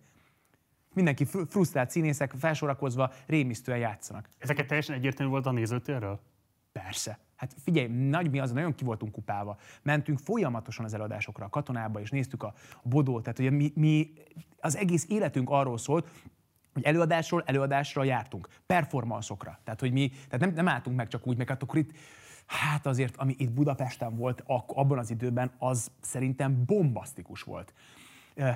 Perform, tehát Pécs, most is kiráz a hideg, nézd meg utcai performanszok, független előadások, közszínházi előadások határon túlról, keveredve minden, mi- és ott állsz 16 évesen, stikába bekamuzott, hogy te színműs vagy, ezért van szállásod. Így maradtunk ott gimnazistaként a poszton, és az vett minket körbe. Ez a fajta attitűd, ez a fajta lelkesedés, hogy minden, minden evők voltunk, közönségtalálkozók, performanszok, pincelőadások, tehát mi, mi ez vett, állandóan ebben mentünk bele. És ez nem is volt kérdés, hogy, hogy egyszer csak amikor bemész egy ilyen előadásra, mint mondjuk a, a, a cseresznyéskert, a- arra azt mondod, hogy hát ez biztos, hogy nem. Tehát ez, ez nem, ez el, elképzelhetetlen. Színházon kívül volt más, ami még hatott rád ekkoriban? Uh, Olvasmányélmény, film, bármi ilyesmi? én nagyon sok filmet néztem, egész gyerekkoromtól kezdve, de emlékszem, hogy 13 évesen néztem meg a 8 mm-t, meg ezeket ilyen súlyosabb filmeket, és uh, én nagyon, én nagy, nagy filmzabáló vagyok, imádom a filmeket, és uh, emlékszem, hogy azért gimnáziumban mi, tehát, hogy ott vagyunk a, a mozikasszánál, és és én emlékszem, hogy ordítok a mozis csávóval, hogy már pedig engem engedj be, mert az nem lehet, hogy engem nem engedsz be. Ez volt a Camp Park című film, és mi 17 évesek voltunk, és 18 éves kor el- fölött lehetett elmenni, és ordítunk a csávóval, hogy nem érted, hogy mi ez- ezt tanuljuk, mi ezt, ezt, ezt nézzük, mi ez, ezek leszünk, az a színészek ott a bászon, ezek mi vagyunk, engedj be minket. És nem, és elült a csávó, 18 év fölött, lemondom, jó, nem érdekel. És akkor végül ilyen stikába szereztük meg vagy a Camp Parkot. De hogy mi milyen súlyos filmeket is szerettünk, nagyon, ugye Gumó, ez a Camp Park, stb. Tehát ezek a történetek, az, így nagyon, ezek is így folyamatosan hatottak ránk, és ezeket próbáltuk mindig átrakni a, abban, amit éppen aktuálisan csinálunk. De félreértés ne essék, 15-16-17 évesen súlyos bulik voltak. Tehát, hogy ott csajozás, bulizás, ami a csövön kifért, tényleg így nagyon súlyosan. És akkor 18 E- Ebből villancs fel van. Mi az, hogy súlyos? Hát figyelj, ilyen, olyan orbitális házi bulik, amikor... Figyelj, most induljunk ki abból, hogy beszívva mentek el színházi előadásra, tehát akkor ez a skála Hát. hát. pontja. Mi a végpontja ennek a nagyon súlyos házi bulizásnak? titkok. Tehát például emlékszel arra a házi... BTK környéki valami? De, hát Marci súlyosan, persze, tehát ott azért mindenféle volt. Tehát minden, minden, minden, mindenféle őrületet csináltunk. És én mondok, mondok csak egy ilyen, egy felvillantok egy történetet, egy házi buli kép, ahol a, de ez tényleg, ez nagyon csak, ez tényleg a jéghegy csúcsa. Tehát, hogy éppen a torkomnál van egy lánynak a keze, akinek a kezében egy kés van, arról beszél, hogy, hogy mondjam el a nem tudom melyik verset, ezen röhögnek hárman, valaki ezt kamerával veszi, én pedig mondom József Attila egy versét. Tehát ez versét mondta, József Attila. Azt hiszem, a, a, ha jól emlékszem, akkor volt a nagyon nagy kedvencem a Hazám, ami azóta is a nagyon nagy kedvencem. Hazám című vers volt. Késsel a torkodon. Igen. De mondom, ez egy csúcsát, ez ennél még csak súlyosabb történetek voltak. És akkor egyszer csak 18 évesen így arra eszméltünk, hogy, hogy egyébként ez a lány most Indiában él. Ez csodálatos, pont ma üzentünk egymásnak. És, és egyszer csak 18 évesen ráébredtünk, hogy ho, ho, ho, ho, ho, ho, ho, várj, várj, várj. Hát itt nem az volt, hogy színé, színé, színészek leszünk? Nem az volt, hogy, hogy most a szín, színház és filmművészeti egyetemre fel fogunk készülni? És akkor elkezdődött egy ilyen brutális felkészülés erre. Tehát, hogy Az, hogy súlyos, az azt jelenti, hogy önpusztító, vagy azt is, hogy esetleg tényleg mondjuk nem tudom, tehát vegzáltatok például lányokat? nem. Ezt hogy érted? Bármilyen formában. Miért csináltunk volna ilyet? És kérdezem, mit jelent a súlyosság? Tehát ez önpusztítás jelent inkább, vagy esetleg mások felé gyakorolt valami fajta nem kívánatos attitűdöt is? De várj, várj, most ezt, ezt arra mondod, hogy a színműre való felkészülés, Nem, nem, bulik? az a- a házi bulik? buliknál, igen, a bulik, ja, ja, ja, ja, ja, ja, bulik, nem, nem, nem, nem, nem, nem. Önpusztító, egymás pusztító, inkább fiúk, fiúk, tehát az a új pusztító, tehát így, inkább ilyen bunyók. Egymás hergeltétek bunyók. Igen, igen, igen, persze, persze. És valahogy mindig benne volt a, a művészet. Tehát, hogy amikor ilyen nagyon súlyos állapotok voltak, akkor, el, akkor előtt a freestyle, akkor kezdünk el rappelni, kezdünk el freestylozni. A legsúlyosabb helyzetekben, vagy kezdünk el egy verset mondani, miután éppen összeverekedtünk valakivel. Tehát mindig voltak ilyen, tehát a művészet mindig belecsempésződött a, a legcsibészebb éjszakákba is. Ezt azért is kérdezem, hogy a magyar művészet történetnek egy ilyen alapvető toposza az önpusztító művész. Éreztétek azt, hogy igazából a művészi kiválóságnak egy előfeltétele, kívánalma az, hogy ilyen nagyon súlyos élményeket szerezzél minél korábban, három pofával zabáld az életet, és még annál is többel. Tehát, hogy volt egy ilyesfajta attitűd nálatok? Képzeld el, hogy ez nem volt tudatos. Ez szerintem ez egy ösztönös dolog volt. És ebből aztán utána nagyon sokat tudtunk építkezni. Tehát mint a barátságok szétszakadásától elkezdve tényleg a, a, a agresszión, a balhékon, a bunyókon át, a szerelmi bánatokon keresztül az, hogy amikor lehúznak, vagy eltaposnak, vagy rúgnak a földön, stb. Ezekből nagyon sokból tudták később építkezni. De sosem, ez nem volt tudatos. Mm. Tehát gimiben nem azért voltunk állatok, mert, mert ilyen, olyan színészek akartunk lenni, mint a, a, a, a, a akik, akik a legbrutálisabb dolgokat élik meg. Tehát nem, ez nem volt tudatos. Aztán rájöttünk, hogy hoppá, ebből lehet meríteni. Tehát nem, nem Klaus Kinskinek nevelkedtünk ott első körben mindannyian, hanem azt, hogy rájöttünk, hogy ha ez jó táptalaj, tehát innen lehet majd meríteni. Tehát 18 évesen aztán elkezdődött az írdatlan ugye, tanulás, tehát az, hogy a verseknek a felhalmozása, a beszédtechnika. Tehát én, én olyan hadaros voltam, Marci, vagyok, de vagy, voltam is, tehát hogy így nekem nagyon komolyan jártam a Stollár Katalinhoz, a, de egy, egy, egy nagyon csodálatos cukorbeteg beszédtanár nénihez, aki én imádtam, érted? És készültem, én nagyon tudatosan készültem a színműre ezzel kapcsolatban. Nem hiszem, Stolár Kati volt, csak azt elmondom neked ezt a sztorit, egy vicces volt, hogy, hogy mondtam Nagy László tűz című versét, én iszonyatosan intenzív, egy lakásban, és emlékszem, hogy a Kati így, így becsukta a szemét, és így elkezdte hallgatni, és mondom, hoppá, na most megvan, ezt most nagyon jól mondom, ezt most marha jól mondom. És egyszer csak így Kati a kezéből így kiesett a cigi, és elaludt. Vicces volt, igen. Neked ugye Farkas Dényes és Fehér Tibor voltak az osztálytársaid, akikkel később egyébként mentél a színműre is. Nem, a Farkas Dénes és a Mohai Tomi. A Mohai Tomi volt? Mohai Tomi, mi, és a Farkas Dénes, Mohai Tomi és én voltunk hárman, akik a Vörös Martiból felvételiztünk, és felvételist nyertünk a, a színműre. De velünk Erős barátság hármas volt? Nagyon. Hú, nagyon, nagyon, nagyon. Bár eleinte a Dénes mi az első pár évben nagyon nem voltunk jóban. Elej, tehát mi a Pál utcai fiúk alatt nagyon-nagyon jó barátok voltunk, és aztán utána pedig a gimnázium alatt voltam, amikor így megtört ez a történet. Elég komolyan elszeparálódtunk egymástól, de az osztály is ketté bomlott, és aztán utána pedig utána ugyanolyan jó barátok lettünk. És a Mohával ugyanezt történt. Tehát a Mohai, Mohai Tom is nagyon jó. De úgy mentünk át, hogy sosem fogom elfelejteni az, hogy ülünk az Ódri színpadon, vagy az, Ódri, az Ódrinak a nézőterén, és bejön a Bába Kriszta, és elkezdi felolvasni a neveket, hogy kiket vettek fel a harmadrosta egy hete után. És ülünk, néha ez ilyen hideg kirázós interjú ez a beszélgetés, mert most tényleg most sokat gyere, megint kiráz, hogy ülünk, és egyszer csak az, hogy megy a beszélgetés, és az van, hogy Molnár Áron, Mo- Mohai Tamás, és mondom, ó, ez az M betű basszus kulcs. Életem egyik féli legboldogabb pillanata, de emlékszem arra, hogy az F betű, ugye az már az előtte van az M-nek. És akkor ez nem, a Dénes nem vették föl, és így emlékszem, hogy ülünk a mohával, de tényleg mint a pórázon agarak, hogy ez most mi, és kiderült, hogy két csoport volt, egy fekete meg egy fehér csoport, és ezért volt az, hogy a Mohai Tamás Molnáráron egy csoportban voltunk, minket felolvastak, és a másik csoportban is azt olvasták fel, akit fölvettek. És amikor bemondták a Dénest, az ilyen, úristen, fölvettek minket a színműre, az ilyen, oh, ilyen, e, tényleg életem egyik legboldogabb napja volt, hogy a az SFS számba bele is írtam, hogy így az tényleg, az, az, az bomba volt. Az zseniális élmény volt. És tényleg ott, hogy mi hárman együtt, egy osztályban, hogy mi lesz, és aztán nagyon más lett. Nagyon más lett sajnos.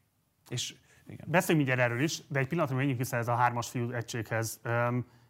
Bármifajta rivalizálás, versenyszellem kezdte esetleg ennek a bensőségességét már a középiskolai időszakban? A középiskolában nem. nem és, és szerinted miért nem? Um, hiszen nyilvánvalóan, ez, tehát érted, színészek lenni az egy nagyon kompetitív szakma. A, az én részem... Egyben közösség is, de azért van benne egy erősen kompetitív dolog. Hamletet nem lehet hárman eljátszani. Igen, igen, igen. Eb, ebben, ebben igazad van, de szerintem gimiben ez nem volt tudatos. Tehát szerintem csak emiatt. Tehát nem volt az, hogy, hogy ki milyen szerepre megy el, ki milyen castingra megy el, mit jelent színésznek lenni, mit jelent egy díj, mit jelent egy főszerep, stb. Én megkaphatom, te nem kapod meg, stb. Ez a gimiben inkább a, a kollektívának az az ereje volt, hogy, hogy minket vegyenek föl mi hármunkat tutir vegyenek föl, mert akkor az, az, az egy nagyon iszonyat erős egységet fog képezni. És ugye Korné Kovács Gergely, aki meg nekem az egyik legjobb barátom, a, ő is felvételizett, de ő a Máté Gábor osztályba került be. Hm. És ő sajnos kiesett ebből, a, ebből, a, ebből az osztályból. De egyáltalán nem volt ez a fajta rivalizálás. És bennem soha nem volt rivalizálás ilyen téren, másban volt. És, és az eleinte idegesített, meg, meg zavart, mert nem is értettem, hogy ezt mi a francért kell ezt csinálni, aztán most már inkább csak szórakozom, mert nevetségesnek tartom. Hogy ki forgat többet, ki keres többet, kinek van nagyobb díja, kire, stb. És pff, azt éreztem, hogy ugyan már, hagyjuk már. De nem ez, nem, nem, nem ez volt a fő megmérgezője ennek a, hármas brancsnak. Én uh, hülyén viselkedtem, eléggé. Tehát, hogy, uh, Azt mondtad erről korábban, hogy terrorizáltad az osztálytársaidat. Hát, igen, ezt, őket is meg kell kérdezni, hogy jó szót használok-e. De azt tudom, hogy... Uh, Mire gondolsz ez alatt? Az a helyzet, hogy a Gálfi László volt az osztályfőnökünk, Ácsi János, és a Börcs, Börcsök Enikő volt a segédosztályfőnökünk, az Ács meg a Börcsi volt a segédosztályfőnökünk. És a fő, fő a, a Gálfi volt. És Gálfi csodálatos ember, nagyon-nagyon sokat segített nekünk ott, a, miatt, ahol, ahol most tartunk szakmailag, nagyon sokat köszönhetünk neki, akiket hívott, viszont ő nem, nem volt egy, nem volt egy keménykezű ember. És osztályban is senki igazából nem volt keménykezű. Tehát amikor, mert mi azt hittük, hogy amikor a, a én, én, én, azt hittem, hogy amikor az volt, hogy egy, egy a Gálfi azt mondja, hogy tíz jelenetet kell csinálni hónap utára, akkor annak a tíz jelenetnek meg kell lenni. És ez volt ez a cél, célkitűzés. És tök mindegy, hogy most te 19 vagy 20 éves vagy, bele kell menni, bele kell állni. És aki, ennek, aki ez ellen van, az gáz, az szar, az, az nem oké. Okay. És azért ilyen, ilyen írdatlan, idiótaként, egy ilyen faszkalapként viselkedtem. Számon kértem a jeleneteket, számon kértem. De miért? Tehát miért érdekelt téged az, hogy ő nem teljesít, és te teljesíted? Azért, mert, azért, mert én a kollektívában hittem, tehát a, koll, a kollektív csapatmunkában hittem már akkor is. És nem, ne, engem nem az, az, hogy én csapatjátékos vagyok, nagyon. De a Víg színházi évek, majd valamikor beszélünk hát róla. Persze, de mi nem tartunk ott. Nem, csak én ott jöttem rá igazából, hogy mit jelent önzőnek lenni. Hogy mit jelent szakmailag önzőnek lenni. És ez nagyon nagy különbség. Én, én, én a, a, a színműnél nem, nem arról szólt a történetem, hogy engem nézem meg a, a Bodó, meg nézem meg a Zsótér, hogy még irdatlanul szuper vagyok, hanem az érdekelt, hogy, hogy mi történik az osztályban. Mitől leszünk mi egy ilyen, egy ilyen unikum osztály, hogy hogyan, hogy lesz meg a jelenetünk, hogy a Gáfi hogy lesz elégedett, tehát hogy Ilyen téren én, én nagyon más voltam ak- akkor, de még ebből maradt az életemben, de hogy, de hogy például az, hogy én nagyon szerettem volna az, hogyha mindenki elégedett. Érted? Hogyha a Gáfi is elégedett, hogyha úgy érzi, hogy, hogy annyi jelenet van, amint ő szeretne, olyan tempóban dolgozunk, ahogy ő szeretné, hogy tényleg akkor ben kell maradni hajnali fél háromig, és tényleg hajnali fél háromig toltuk, és reggel kilencre mentünk mozgásra, ki voltunk fingva, és akkor én meg mondtam nekik, hogy még nincs kész az ácsnak a házi feladata, mert az ács adott nekünk, mondta, hogy ne, ne legyünk hülye színészek, azért mindig ilyen intelligencia teszteket töltetett ki velünk, tehát voltak nekünk ilyen plusz házi feladataink. Intelligencia tesztek? Igen, igen, ez, ez mindig voltak. Volt, volt a, ilyen IQ mérő tesztet? IQ mérő teszt is volt, volt egy újság is, amiből különböző feladatokat, ilyen kreatív, meg ilyen kognitív feladatokat is küldött nekünk, amiket a mesterség óránk mellé oda kellett neki csatolni egy füzetbe. Volt mindenkinek külön egy füzete, és abba bele kellett írni a házi feladatainkat. Mert ő azt akarta, hogy ne legyünk, ne legyünk hülye színészek. Az más kérdés, hogy egyszer aztán a Dénes megtalálta három év múlva ezeket a füzeteket a, a, az szekrényben, úgyhogy kutyára nyújt hozzá. Tehát nem nézte át a feladatainkat, de, de mindegy, mit csináltuk a feladatokat bőszen. És emlékszem, hogy így az nagyon gáz volt az, az attitűd. És a, a moha, ő például ő tök más ember. A moha az egy, az egy nem tudom, hogy az állatfar megvan neked, de ő a círmos. Ő ilyen lazán, nyugodtan megy ide-oda, de hogy így nem érdekli igazán ez, hogy, hogy most oké, okay, megvan a jelenet, ha jó sikerül, jó sikerül, de inkább ő élni szeret, megélni szereti a dolgokat, akkor, tehát ezt is a mohától tanultam főleg, hogy így nyugi, csak én meg erőszakos voltam. Neked ez lustaságnak hatott? Abszolút. Hát a, a, az tűrhetetlen. Nem, ez, ez elképzelhetetlen volt. Tehát ez elképzelhetetlen volt. Meg az, hogy...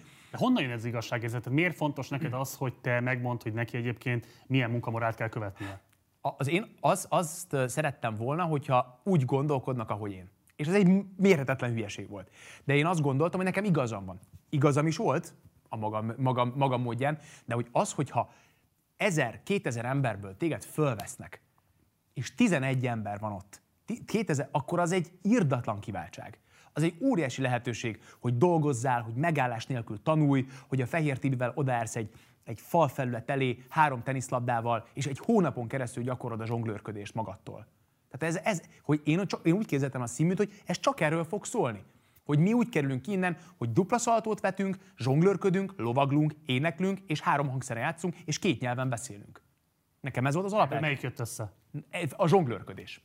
Érted? És az volt, ez a ciki, és ezért volt durva, amikor, tudom, csak egy, egy pillanatra érintve a színműt, hogy én, amikor oda kerültem, még nagyobb szemekkel és még nagyobb hajjal képzelj el engem, és csillogó, kinyílt tekintettel és lélekkel, és odaálltam a Selmeci György elé, aki akkor a zenei vezetője volt a színműnek, ekkor volt 2006-ot írunk, tehát nem 2020, meg 2006, és mondtam, hogy tanár úr, én szeretnék megtanulni dobolni. És Selmeci rám és mondta, hogy dobolni, dobolni, nagyon jó. Megnyomta a lift nagyon jó, dobolni. Hát az, az, az, az nem fogjuk megtanulni dobolni. Mondom, miért nem? Hát arra nincs pénz dobolni. Gitározzanak, gitározzanak, beszállt és lement. És ott álltam, hogy ez mi? És akkor jöttem rá, hogy mm, az a színű, ez nem, nem olyan lesz, ahogy én azt elképzeltem. Hogy itt lovagolni fogunk megtanulni, dobolni fogunk megtanulni, két nyelven fogunk megtanulni, bár a Gálfigya forszírozta az angolt nálunk, tehát hogy, hogy tanuljuk meg. De hogy ő nem engedte, hogy ne vizsgázzunk le, tehát ne legyen nyelvvizsgánk. De hogy basszus kulcs, tehát már akkor is le, egy csomóan érez, éreztük és éreztettük, és fel is hívtuk rá a figyelmet, hogy azért itt tehát egy csomó dolgot lehetne nem csak magunktól megtanulni, nem csak autodidakta módon megtanulni. Most neked volt egy erős hiányérzeted az intézmény képzésével kapcsolatban. Nagyon, nagyon komoly. Nagyon. Hogy akkor te ezt a frusztrációdat az osztálytársaidon kérted számon? Ezt a frusztrációmat szerettem volna átplántálni oda, hogy akkor viszont mi dolgozzunk. Tehát akkor mi viszont csináljunk meg. Az intézmény nem megváltoztatható, de az osztálytársai talán igen? Igen, ez volt az alapgondolat. És amikor, amikor egyszer csak ezek a falakba ütköztem, meg főleg emlékszem arra, hogy így, ez egy ideig sikeres. Mert egy ideig tényleg megijednek, és akkor azt, gondolják, az, az, azt gondolták pár az osztályban, hogy, hogy akkor ez a jó út, amit én, amit én kijelöltem. De egy idő után azt mondják, hogy bazd meg, ne kiabáljál már. Meg így mit csinálsz? Hogy verbálisan abúzív volt. Igen, igen, tehát igen, tehát intenz, intenzív voltam, kiabáltam, rájuk szóltam. Tehát az, amikor másfél órát késik valaki próbáról, az, az, ne, az nem fér bele. Az nem fér bele. És, és, és akkor, 20 évesen, frusztráltan, úgyhogy csajom se volt, nem nagyon jártam akkor bulizni, csak az egyetem volt, csak ebben voltam benne zsonglőrködni, megtanulni, edzeni, kézen állni, sok verset tudni, jeleneteket boncolgatni. Egy olvasópróba után ott maradni még két órán keresztül a Zsámbéki olvasó próbája után, és elemezni azt, hogy ez melyik mondat miről szól. Ahelyett, hogy azt mondtam, hogy haver, menj már el, menj már el sörözni. Mi van veled? Tehát ez, ez a harmadik évemig, ha még harmadikos nem lettem, amikor a Zrínygál Vincékkel nem mentünk Bécsbe egy workshopra, a komával, addig én azt gondoltam, hogy ez a normális. És aztán ott rájöttem, hogy jó, hát ez lehet sokkal lazábban. És aztán így tényleg is sokszor kértem. mit reagáltak három éven keresztül? Hát azért voltak, amikor hálásak voltak ezért. És ez... Szervezték neked gyakorlatilag a fegyelmezés felelősségét? Nem, nem, tehát engem nem, ne, rám ők sosem szóltak. Tehát, hogy például, ezt mondom. Hát igen. Tehát, hogy az volt, igen, de hogy nem is, nem is mindig tudtak erről a dologról. Tehát nem tudták azt, hogy ez hogy alakult ez a történet. De azért ezt a monomániát biztosan érzékelték. Igen, és ezért én voltam az osztálybizalmi. Én voltam elint az osztálybizalmi, ami rémisztő volt. Tehát, hogy szerintem az, az, az addig tartott, az a sok. Amíg aztán azt, mondta, azt nem mondták a többiek, hogy na jó, nem, nem, nem, Áron, te nem, Alberti Zsófi, ő lesz, a, ő lesz a, az osztálybizalmi. De én ezt pontosan vállalom, és bocsánat, és kértem tőlük többször, és Dénes például mai napig fölhánytorgatja ezeket az időszakokat. Hogy milyen frusztrá- frusztráció neki volt, neki ez az év, milyen, ezek az évek, mit jelentettek neki, és mennyire brutális volt. És, és alá is írom, de közben meg egy nagyon sok helyzetben annyiból igazam volt, hogy amit számon kértem, azt tényleg nem volt megcsinálva. Amit mondtam, azt tényleg nem volt elvégezve. Meg nem tiszteltük egymás idejét, stb. De basszus kulcs, azért gyerekek voltunk. Az soha nem merült fel a diákokban, hogy azért ez, tehát, tehát ez tényleg a tanárnak a feladata, tehát az ő felelőssége, hogy, hogy hagyja, akkor hagyja, azt amelyek fel lesz valami következménye, bukás, kiebrudalás, bármi. Tehát, hogy tematizálódott az valahogy valaha a közösségen belül, hogy te igazából átvetted azt a hatalmat, amit a tanároknak kellett volna gyakorolniuk? Igen, de aztán utána fel is hívták a figyelmet erre, és akkor számon kérték, és mondták, hogy ez nonsens, ez nem lehet. Ennyi történt. Igen, igen. De, hát az, de, de a, a, a, az osztálytársaim részéről? A tanárok részéről és az osztálytársaid részéről. Az, osztály, az osztálytársaim azok nem, az, osztálytár, nem, az osztálytársaim azok keményen belém. Döttek ezzel? Ó, azért belém álltak, persze, főleg a Zsófi, Zsófi, Tibi, azért belém álltak rendesen, aztán utána a Dénes negyedikben, tehát igen, azért... Az csak üzel téged. Hát nem, frusztrált Marci. Frusztrált? Ne, nagyon basszus. Magányos voltál? Igen. Nagyon. Nagyon magányos voltam. Nagyon.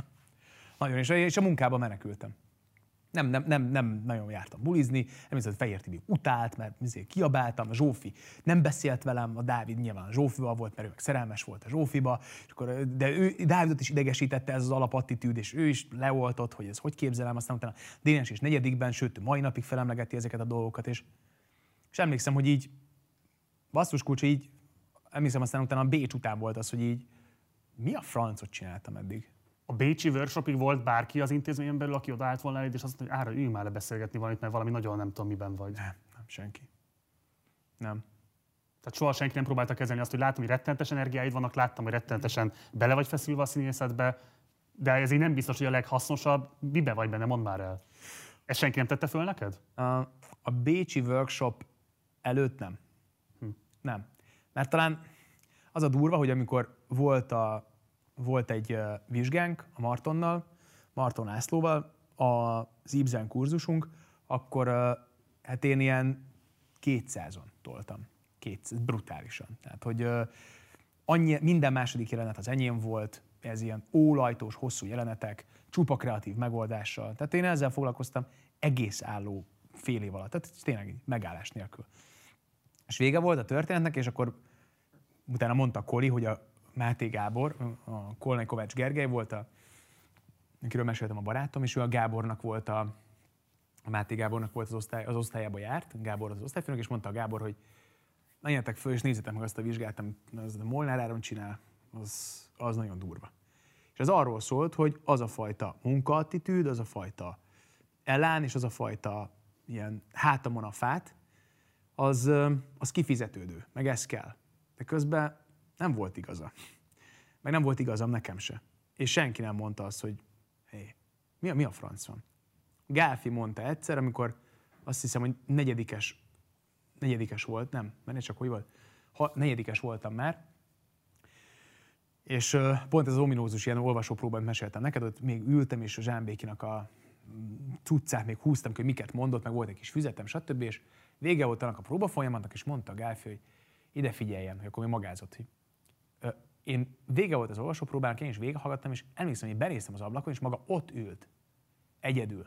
Többiek elmentek sörözni. És maga ott ült, és, és olvasta, és húzta ki a dolgokat, hogy lazítson. Menjen el és lazítson. Mert nem ér ennyit. És az nagyon-nagyon-nagyon az nagyon kemény volt, amikor az öreg ezt mondta, mert ugye én addig azt gondoltam, hogy ő ezt várja el. Vagy én ezt várom el magamtól, meg mindenki ezt várja el. És talán a Ladányi volt, aki kollektívan mondta nekünk, Ladányi Andrea, hogy, hogy mi a francnak próbálnak 11-ig, mi a francnak vannak benne kettőig. Tízig próbáljanak, mint az állat, utána menjenek, éljenek, sörözzenek. Mit, mit csináltok? És azért ez, ez sok helyzetben hiányzik. És ha belegondolsz, a színműn egy csomószor volt az, hogy az idősebbek, az előző generáció tízig lehetett bent az intézményben, meg kilencig. Nem fél háromig, nem voltak ilyenek. Csak aztán ránk kényszerítették ezt a fajta ilyen workahol stilt, hogy bent kell maradni, és akkor vagy jó színész, hogyha szétaprítod magad, meg folyamatosan ben vagy, meg állandóan ott vagy, a francokat, nagy büdös Akkor te megerősítetted, hogy ez a fajta munkaalkoholista elköteleződés, ez, ez... Kontraproduktív. Igen, de hogy egy kicsit azért támogatva is volt, ha nem is elvárva feltétlenül az intézmény részéről. Igen, persze. Volt persze. elvárás ilyen értelemben? Hát persze, hogy ne? Hát figyelj, amikor azt mondod, hogy hétfőn, azt mondod, hogy szerdára legyen tíz jelenet, azt hogy rakod össze?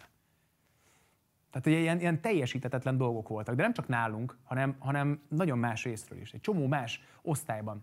És azért voltunk bent. Én, hogyha a színművészeti értelmel kapcsolatban szerintem önmagában a diákoknak a kiállása az egy példamutató dolog. És én ezért vagyok velük százszerzalékosan. De azt, hogy alapjában meg kell változnia nagyon sok mindennek, az nem is kérdés, de párbeszéd útján. Tehát ha engem kérdezel, én nem engednék úgy osztályt indítani például Zsoltér Sándornak, hogy nincs mellette egy, egy pszichológus, aki az osztályt figyeli, aki ott van vele végig.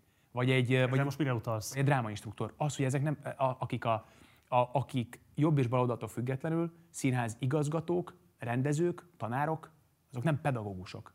Nem tanulják a pedagógiát nem tanulják, hogy kezelsz egy frusztrált embert. Nem tanulják azt, hogy hogy kezeled azt, amikor valaki, amikor elsírja magát, vagy, vagy még el sem sírja magát, de ott van benne a fájdalom. De most ar- azzal, mire utalsz, hogy pont a Zsótér mellé raknál egy pszichológus például? Hát azért, mert én, a, az én emlékeim szerint, ahogy a Sándor például velünk, a mi osztályunkkal bánt, a színműn, az egy, az egy mérhetetlenül uh, rémisztő emlék volt. Nagyon. Nagyon. És egy kicsit? Hát ő elővette a, a Werner Schwab nek a Faustját, 91-ben íródott punk darab, és ez egy nagyon-nagyon nehéz anyag. Ez egy, Tandori Dezső fordította, az első három oldalt két napon keresztül elemeztük, írdatlan nehéz anyag volt, és aztán utána első körben, a e, első héten elemeztük, aztán második héten elkezdtük próbálni, de nagyon nehéz, nagyon nehéz anyag, elkezdtük próbálni, ez mi meg hogy, és ő akkor rendezte a Faustot, azt hiszem az opera, operában. És ö, aztán ott az meg volt a bemutatója, aztán egy hétig nem jött, nem értettük, hogy nem is hallottunk miért, hogy Zsótér nem jön. Aztán bejött, még próbált velünk pár napig, aztán elültetett minket, és azt mondta, hogy ő nem tudja helyrehozni azt, amit a Gálfi nem tanított meg nekünk, és, és ezért úgy gondolja, hogy ahhoz képest, hogy mi harmadikosok vagyunk, sokkal több dolgot kéne tudnunk, és ő erre most nem tud vállalkozni, úgyhogy neki ennyi volt. És ott hagyott minket, faképnél. És ez iszonyatosan gáz volt. Tehát azt éreztük, hogy hát ez egy, hát ez, egy, ez, ez, ez, ez nem fordulhat elő, ez hogy történhet meg? És itt nem ért véget a történet. Mert benne volt a pakliban például az, hogy utána elkezdte a, a gáfit a háta mögött fúrni, hogy ő milyen rossz pedagógus. Igazolva magát. Tehát ilyen piszticsári dolog. És aztán utána pedig Bocs, azt mivel magyarázat, hogy a tanárok között ennyire nem működött semmifajta szolidaritás? Hát itt azért két, a magyar színházművészet ikonikus alakjáról beszélünk, két olyan pedagógus egyéniségről, akik most már, akik alól most már generációk jöttek ki a kezük alól. Hogy lehetséges az, hogy nekik, tehát hogy lehetséges, hogy ilyen intézményi környezet működik, amiben nekik ilyen elementáris szolidaritás hiányuk van egymás iránt? Szerintem ennek tényleg az egyik, az egyik sarokköve az, hogy itt nincs egy kollektív pedagógiai, de dráma instruktori képzés például, vagy egy rendező instruktori képzés. Tehát az, hogy nincs, nem, nem vonulnak el megbeszélni a konfliktusaikat. Nem, a tanárok között nincsen párbeszéd? Szerintem nagyon, nagyon sok, nem, ez egy általánosítás lenne ezt mondanám, de bizonyos tanárok között ezek a dolgok nem voltak kibeszélve. Uh-huh. És a tanárok között is mentek ezek a fúrások, azt mondod? Igen. És ez nagyon durva volt például, igen. Tehát ugye erre pontosan emlékszem a Zsótérnak a helyzetére, aki aztán a harmadéves osztályával, vagy harmad rostás osztályával emlékszem, hogy ezt a darabot próbáltatta lent, mi az ötödiken voltunk a, a Rákóczin, és néztem le a, a belső udvarra, és láttam, hogy a Zsótér állítja be 17-8 éves gyerekeknek a hangsúlyt, hogy ki hogy mondja a Werner Schwab szöveget, mint egy majd igazolva magát az Ódri színpadon, amikor a tanári kar megnézi, hogy lám, lám, 17-8 évesek el tudják mondani ezt a szöveget, de a gálfilosztály még erre is képtelen volt. Ez egy nagyon-nagyon pitiáner dolog volt a részéről, és, és az, hogy ezt ránk fogta, hogy mi milyen bénák vagy mi milyen, milyen szarok. Megerősíted akkor azt, hogy igazából van hierarchia osztályok között, attól függően, ki az osztályvezető tanár? Hát, ha nem. nem is formális, de informálisan. Nem, ezt nem tudom megerősíteni. Nem? Hierarchia. E, nem ebből a történetben. Elismertségben, vagy komolyan, vehető, komolyan vettségben? Hmm, én, én ezzel nem számolok, Marci. Ez az, az másképp te számolsz vele, de hogy létezik-e attól függetlenül, hogy te számolsz vele, vagy sem? Nem, szerintem ez, mm, az én életemben nem létezik. Le, lehet, hogy nem, ha mondasz konkrét példát, amire gondolsz, akkor hogy ez a hierarchia, amit gondolsz, akkor lehet, hogy... Kíváncsi voltam a véleményedre erről. Nem, szerintem nem. Én, én ezt nem akarom elfogadni. Egy másik kérdést akarok föltenni neked. Ugye Ács János a magyar színházművészet egyik igazán tragikus alakja. Ugye Márátszád Kaposváron egy hatalmas előadás, de aztán ezt a rendezői pályafutását nem tudta igazából úgy befutni, pláne a rendszerváltás után, mint amit egyébként ő a rendszerváltás előtt felcsillantott magából. Ráadásul ugye nála pontosan lehet tudni azt, hogy mennyire súlyosan hat, elhatalmasodott rajta az alkoholbetegsége, ami egy ilyen teljesen kibeszéletlen pandémia színházi világon belül.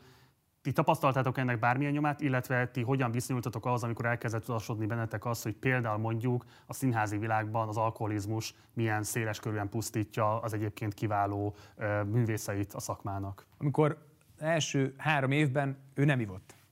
Amikor a mi osztályunknak az osztályfőnöke volt, tejet ivott minden alkalommal, amikor vége volt a vizsgáknak, és elvonultunk a büfébe, akkor ő tejet ivott ő nem ivott mást. De ő akkor ezt nyíltan kitette elétek, hogy ő küzd ezzel a... Nem, nem, nem, nem, nem. nem. nem. Mi nem is tudtuk, hogy ő alkoholista. Uh-huh. Az első három évben nem, nem, nem, nem, nem is volt erről szó egyáltalán. Um, és, har- és akkor negyed évben, amikor már mm, nem volt rajtunk, akkor a figyelem, tehát szakdolgozatot írtunk, vagy elmentünk gyakorlatra, stb., akkor derült ki, amikor mentünk hozzá megmutatni a szakdolgozatunkat, hogy, hogy ott már elkezdett újra borozni. És akkor, akkor derült ki ez a történet. De tehát, hogy mi a Börcsiről sem tudtuk, hogy, hogy neki milyen problémái voltak. az alkoholal, hogy tehát ezek, ezek a dolgok ezek nem voltak annyira kimondva. Aztán utána szépen miután az osztálynak a szerves része lett a tanárikar is, vagy az osztályunk is, tehát elmentünk, beszélgettünk egy premierje után, stb. derültek ki, mesélték el ők ezeket a dolgokat. Azért ez az, a, a maga az alkoholizmus, ez, ez tényleg egy, egy, egy nagyon félelmetes pillanata, vagy, vagy, vagy része ennek a dolognak, de uh, én igyekszem nagyon-nagyon távol tartani ettől magam. Tehát, hogy így, én is megjártam a poklot azért a Víg Színházban, nekem is voltak brutális estéim, és, és azt éreztem, hogy így nem, nem ettől lesz a jobb színész. meg nem, nem, nem ezzel kell ünnepelni, meg gyászolni. De ugye az alkoholizálásnak, vagy az alkoholfogyasztásnak a normalizálása azért nagyon erőteljesen jelen van az intézmény. Ugye van például a büfé, ahol én emlékszem arra, én ugye négy hónapot jártam csak oda, de pontosan emlékszem, hogy én a különböző égetett szeszekből nem egy kérféle, kétféle, hanem így konkrétan így sorakoznak, ugye egy egyetemi büfében ezek a különböző alkoholtípusok, és hogy diákok számlát vezetnek, és majd csak a hónap végén fizetik ki. Tehát, hogy, hogy nagyon erőteljesen jelen volt, nekem ez volt az élményem, a normalizálása az alkoholfogyasztásnak, nagyon korántól kezdődően az egyetemi életben. De ez egy egyetem, nem? Tehát ez nem egy gimi. Hát azért az nagyon nagy hülyeség azt mondani, hogy mi 15 évesen nem voltunk makonya részegek. Tehát azért a gimnáziumban már találkozol az alkohollal, mint olyannal. Egy, egy egyetemen, ahol van egy büfé, ott miért ne lehetne? egyébként alkohol és ital. Tehát, hogy miért ne? Ugye, arról van szó, hogy olyan emberek dolgoznak ott, akik a testüket kiemelten kell, hogy használják, tehát kiemelten kell, hogy gondozzák ennek mindenféle értelmében, és mondjuk mit, én nem emlékszem, hogy gyümölcsöt lehetett volna kapni, vagy zöldséget, vagy bármi olyasmit, ami egyébként nyilván kell ahhoz, hogy például a mozgás során teljesíteni úgy, hogy nagyon magas koncentrációval, nagyon komoly teljesítményeket le tudj tenni az asztalra, amit közben ugye elvár az egyetem. Ilyen képzés szempontjából, vagy akár dietetikai szempontból szerintem kifejezetten izgalmas lenne egy ilyen komplex, átható, osztályra lebontott uh, étrend. Tehát ez szuper lenne, ha lenne ilyen. De igen, valóban ilyen nem volt, és szerintem ez is, ez is há, benne van például a képzés lehetőségében, hogy, hogy ezt megváltoztatni, és azt mondani, hogy erre kifejezetten fókuszáltan figyelni. De ez nem azon, ez szerintem nem, csak nem azon múlik, hogy van-e répa a büfének az asztalán, hanem szerintem az azon múlik, hogy a te, mint osztályfőnök, melletted van egy drámainstruktor, egy pszichológus és egy dietetikai szakértő. És így néz, így indítod az osztályt. Zárok kérdés az alkoholizmushoz, hogy akkor te az alkoholfogyasztás kultúrájával kapcsolatban semmi kirívót nem tapasztaltál a Színház és Filmvészeti Egyetemen töltött éveid alatt. Nem. Semmit? Nem, nem, nem. Jó. A Vix kerültél az SZF-ről, Nézzük meg ezzel kapcsolatban egy bejátszót. Mert egyébként például az Otellóról mondtad, hogy abban is szerepeltél, hogy, hogy ez milyen izgi volt, hogy ott például tanultatok kungfuzni. Elképesztő volt. Tehát az, én akkor kerültem a Víg Színházba. Enikő ö, revelatív volt. Ö, kitalálta, hogy így Nagy Zsolti, a ö, Fekete Ernő, ők voltak ott. Tehát én nekem, ő, én őket néztem, a Krétakört, meg a Katona Színházat, a Katona József Színházat, és, és akkor egyszer csak jött ez a Otelló, és közben kungfúzás, és hogy Enikő kitalált, hogy mi erősödjünk, és azt éreztem, hogy megérkeztem, tudod? Ez volt, hogy úristen, ezért csináltam az egészet. Iszonyú boldog voltam, 22 éves, tele tetvágyjal, minden őrülettel, és hogy mentem előre, mentem előre, sok, e- egyszer csak azt éreztem, hogy jaj, most akkor most mi van, mi van, mi van, nem úgy volt, hogy most együtt kungfúzunk, együtt csinálunk dolgokat, most együtt alkotunk, és akkor egyszer csak úgy éreztem, hogy ú, valahogy, hogy már nem, hogy már nem, már nem ugyanaz a történet, már nem ugyanaz, már bennem sem bennem is valami átalakult, mert, mert amikor elhangzott egy mondat például, hogy hol van az a naív, kíváncsi uh, fiú, akit ide uh, leszerződtettem, akkor fogalmaztam meg, hogy én az öt évvel ezelőtt volt. Én azóta nagyon sok dolog történt. Nagyon sok rossz, nagyon sok jó dolog, nagyon sok kalandos dolog. És már nem vagy ez a naív. Nem vagyok az a naív, kíváncsi kisfiú. Kíváncsi vagyok, de más dolgokra. Mi történt benned, hogy onnantól, hogy középiskolában azt mondod, hogy a, csak a végszínházban, de még gyakorlatra se, hogy megérkezel a Víg Színházba, és egyébként nagy elánnal vetett bele magad a munkába. Mi változott? Hát harmadik, harmadik, harmadikos voltam, harmadéves, amikor az történt, hogy a, a felhívott a, a tehát így következőképpen kezdődött. A Néder Ponynak volt egy vizsgája, az a Gyamu, Gyilkosság a Maxim utcában, ami egy marha jó előadás volt, nagyon hangulatban telt, és az Enikő megnézte ezt az előadást, ahol én egy tök jó szerepet játszottam, és ott hülyéskedtem, trükköket raktam össze, rillíroztam, tehát én jó, jó, jó szerep volt, nagyon szerettem. És akkor Enikő azt mondta, hogy fölhívott, és mondta, hogy neki nagyon szimpatikus, amit csinálok, és hogy jöjjek oda gyakorlatra a Vígbe, és ez volt a Martónak a Játék a Kastélyban című előadása. És ugye mm, ezzel párhuzamosan elhívtak az őrkénybe, ami, ami a Homburg hercegének a Kleissnek az, az egyik, egy kisebb szerepébe, tehát egy igazából egy, az egy statiszta szerep volt, a Vígbe pedig elhívtak egy főszerepre. És akkor azt mondom, hogy de egy ilyen statiszta szerep, másik meg egy nagy szerep, mondom, ez tök jó lesz így párhuzamosan. Gondoltam akkor én, hogy lehet ilyet csinálni. Akkor följött az Enikő, hogy, hogy kacsáká, hát jaj, hát e, ugye te nem vállaltad el a, a, az őrként. Mondom, de, de, jaj, gondoltam, azt nem csinálhatod. Csak kiderült, hogy ja, hogy akkor ez nem így van, hanem csak egy színházba tudsz menni. És akkor a Víg színházba mentem el megcsinálni a, a, a játék a kastélyban, ami egy tök izgi dolog volt egyrészt a meg, Várj, bocs, tehát az értékítélet hogy változott meg? Tehát, hogy ugye mondom, ez egy nagyobb szerep volt. nem, de hogy, tehát mi, mitől lett hirtelen a Vixen egy komilfó intézmény a számodra? 16 éves voltam, meg 7, és aztán utána meg, meg 10, mm, ugye, nem tudom, 22 éves voltam, amikor meg elvégeztem. 20, az, az idő alatt azért sok minden változik. Tehát, hogy Megengedőbb lettél, vagy felfedezted olyan értékét a Vixen amit korábban nem láttál, mi változott? nem a végben egy csomó izgalmas dolog történt, ami vol- voltak izgalmas előadások, amire azt mondtam, hogy na hát ez, ez, tehát ez, ez be, ezzel bejebb tudok kerülni. Vagy az, hogy amikor Enikő az, Enikőnek az interjúit nézted eleinte, azt érezted, hogy, így, hogy itt azért itt, basszus, ez, ez más lesz, mint, mint a Marton alatt. Hogy itt, itt, itt azért megmozdulnak elemek. És amikor kiderült az, hogy tényleg a Nagy Zsolt, akiről beszéltem, hogy gyerekkoromban hogy hatott rám, a Fekete Tibi oda fog menni, Otellót csinálunk és katonák lehetünk, hát azt éreztem, hogy hát ne, ne, ez egy másik világ, ez egy más intézmény. És tényleg az lett eleinte. Tehát tényleg az volt, hogy itt aztán, pú, amit akartál. Tehát így tényleg itt lépcsőn kúztunk, másztunk, katonák voltunk három napig, óriási társaság gyűlt össze, nagyon jó volt. Enikő eleinte hihetetlen izgalmas dolgokat rakott össze. Nagyon in, in, intenzív, impulzív színházat ö, képzelt el velünk együtt. És az marha jó volt. Tehát azért ebbe belecsöppenni úgy, hogy a többiek, hogy harmadikos vagy. Érted? Harmadikos, a többieknek még gyakorlati ö, lehetőségük sincs sehol, tehát valaki nem is tudott elhelyezkedni színháznál gyakorlatra se. Téged meg már hívnak igazából szerződésbe a Víg színházba, ez egy nagy lehetőség, másrészt pedig az, hogy azok az emberek, meg az a millió, ami ott körbevett. Hát azt hittem, hogy itt ez, ez a második krétakör. Mi változott meg? Az Enikő. Csak ő? Igen. Ő nagyon durván. Hát igen, ő, ő, ő nagyon, nagyon-nagyon más lett. Nagyon.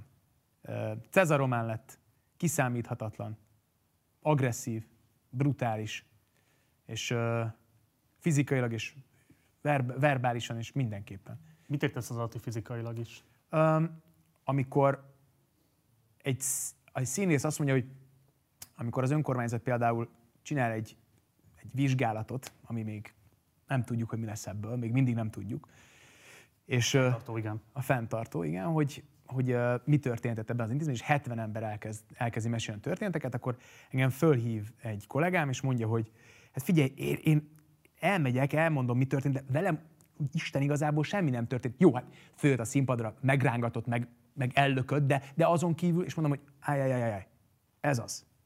Ilyen nincs. Nem fogunk meg valakit a fülénél fogva, és húzzuk át a színpad egyik sarkából a másik sarkáig, és Mondj, megtette és, mondj, és mondjuk azt bele a, a fülébe, hogy, hogy, hogy ö, nem hallod, mit mondom? Mondom, diagonál, most ki a füled.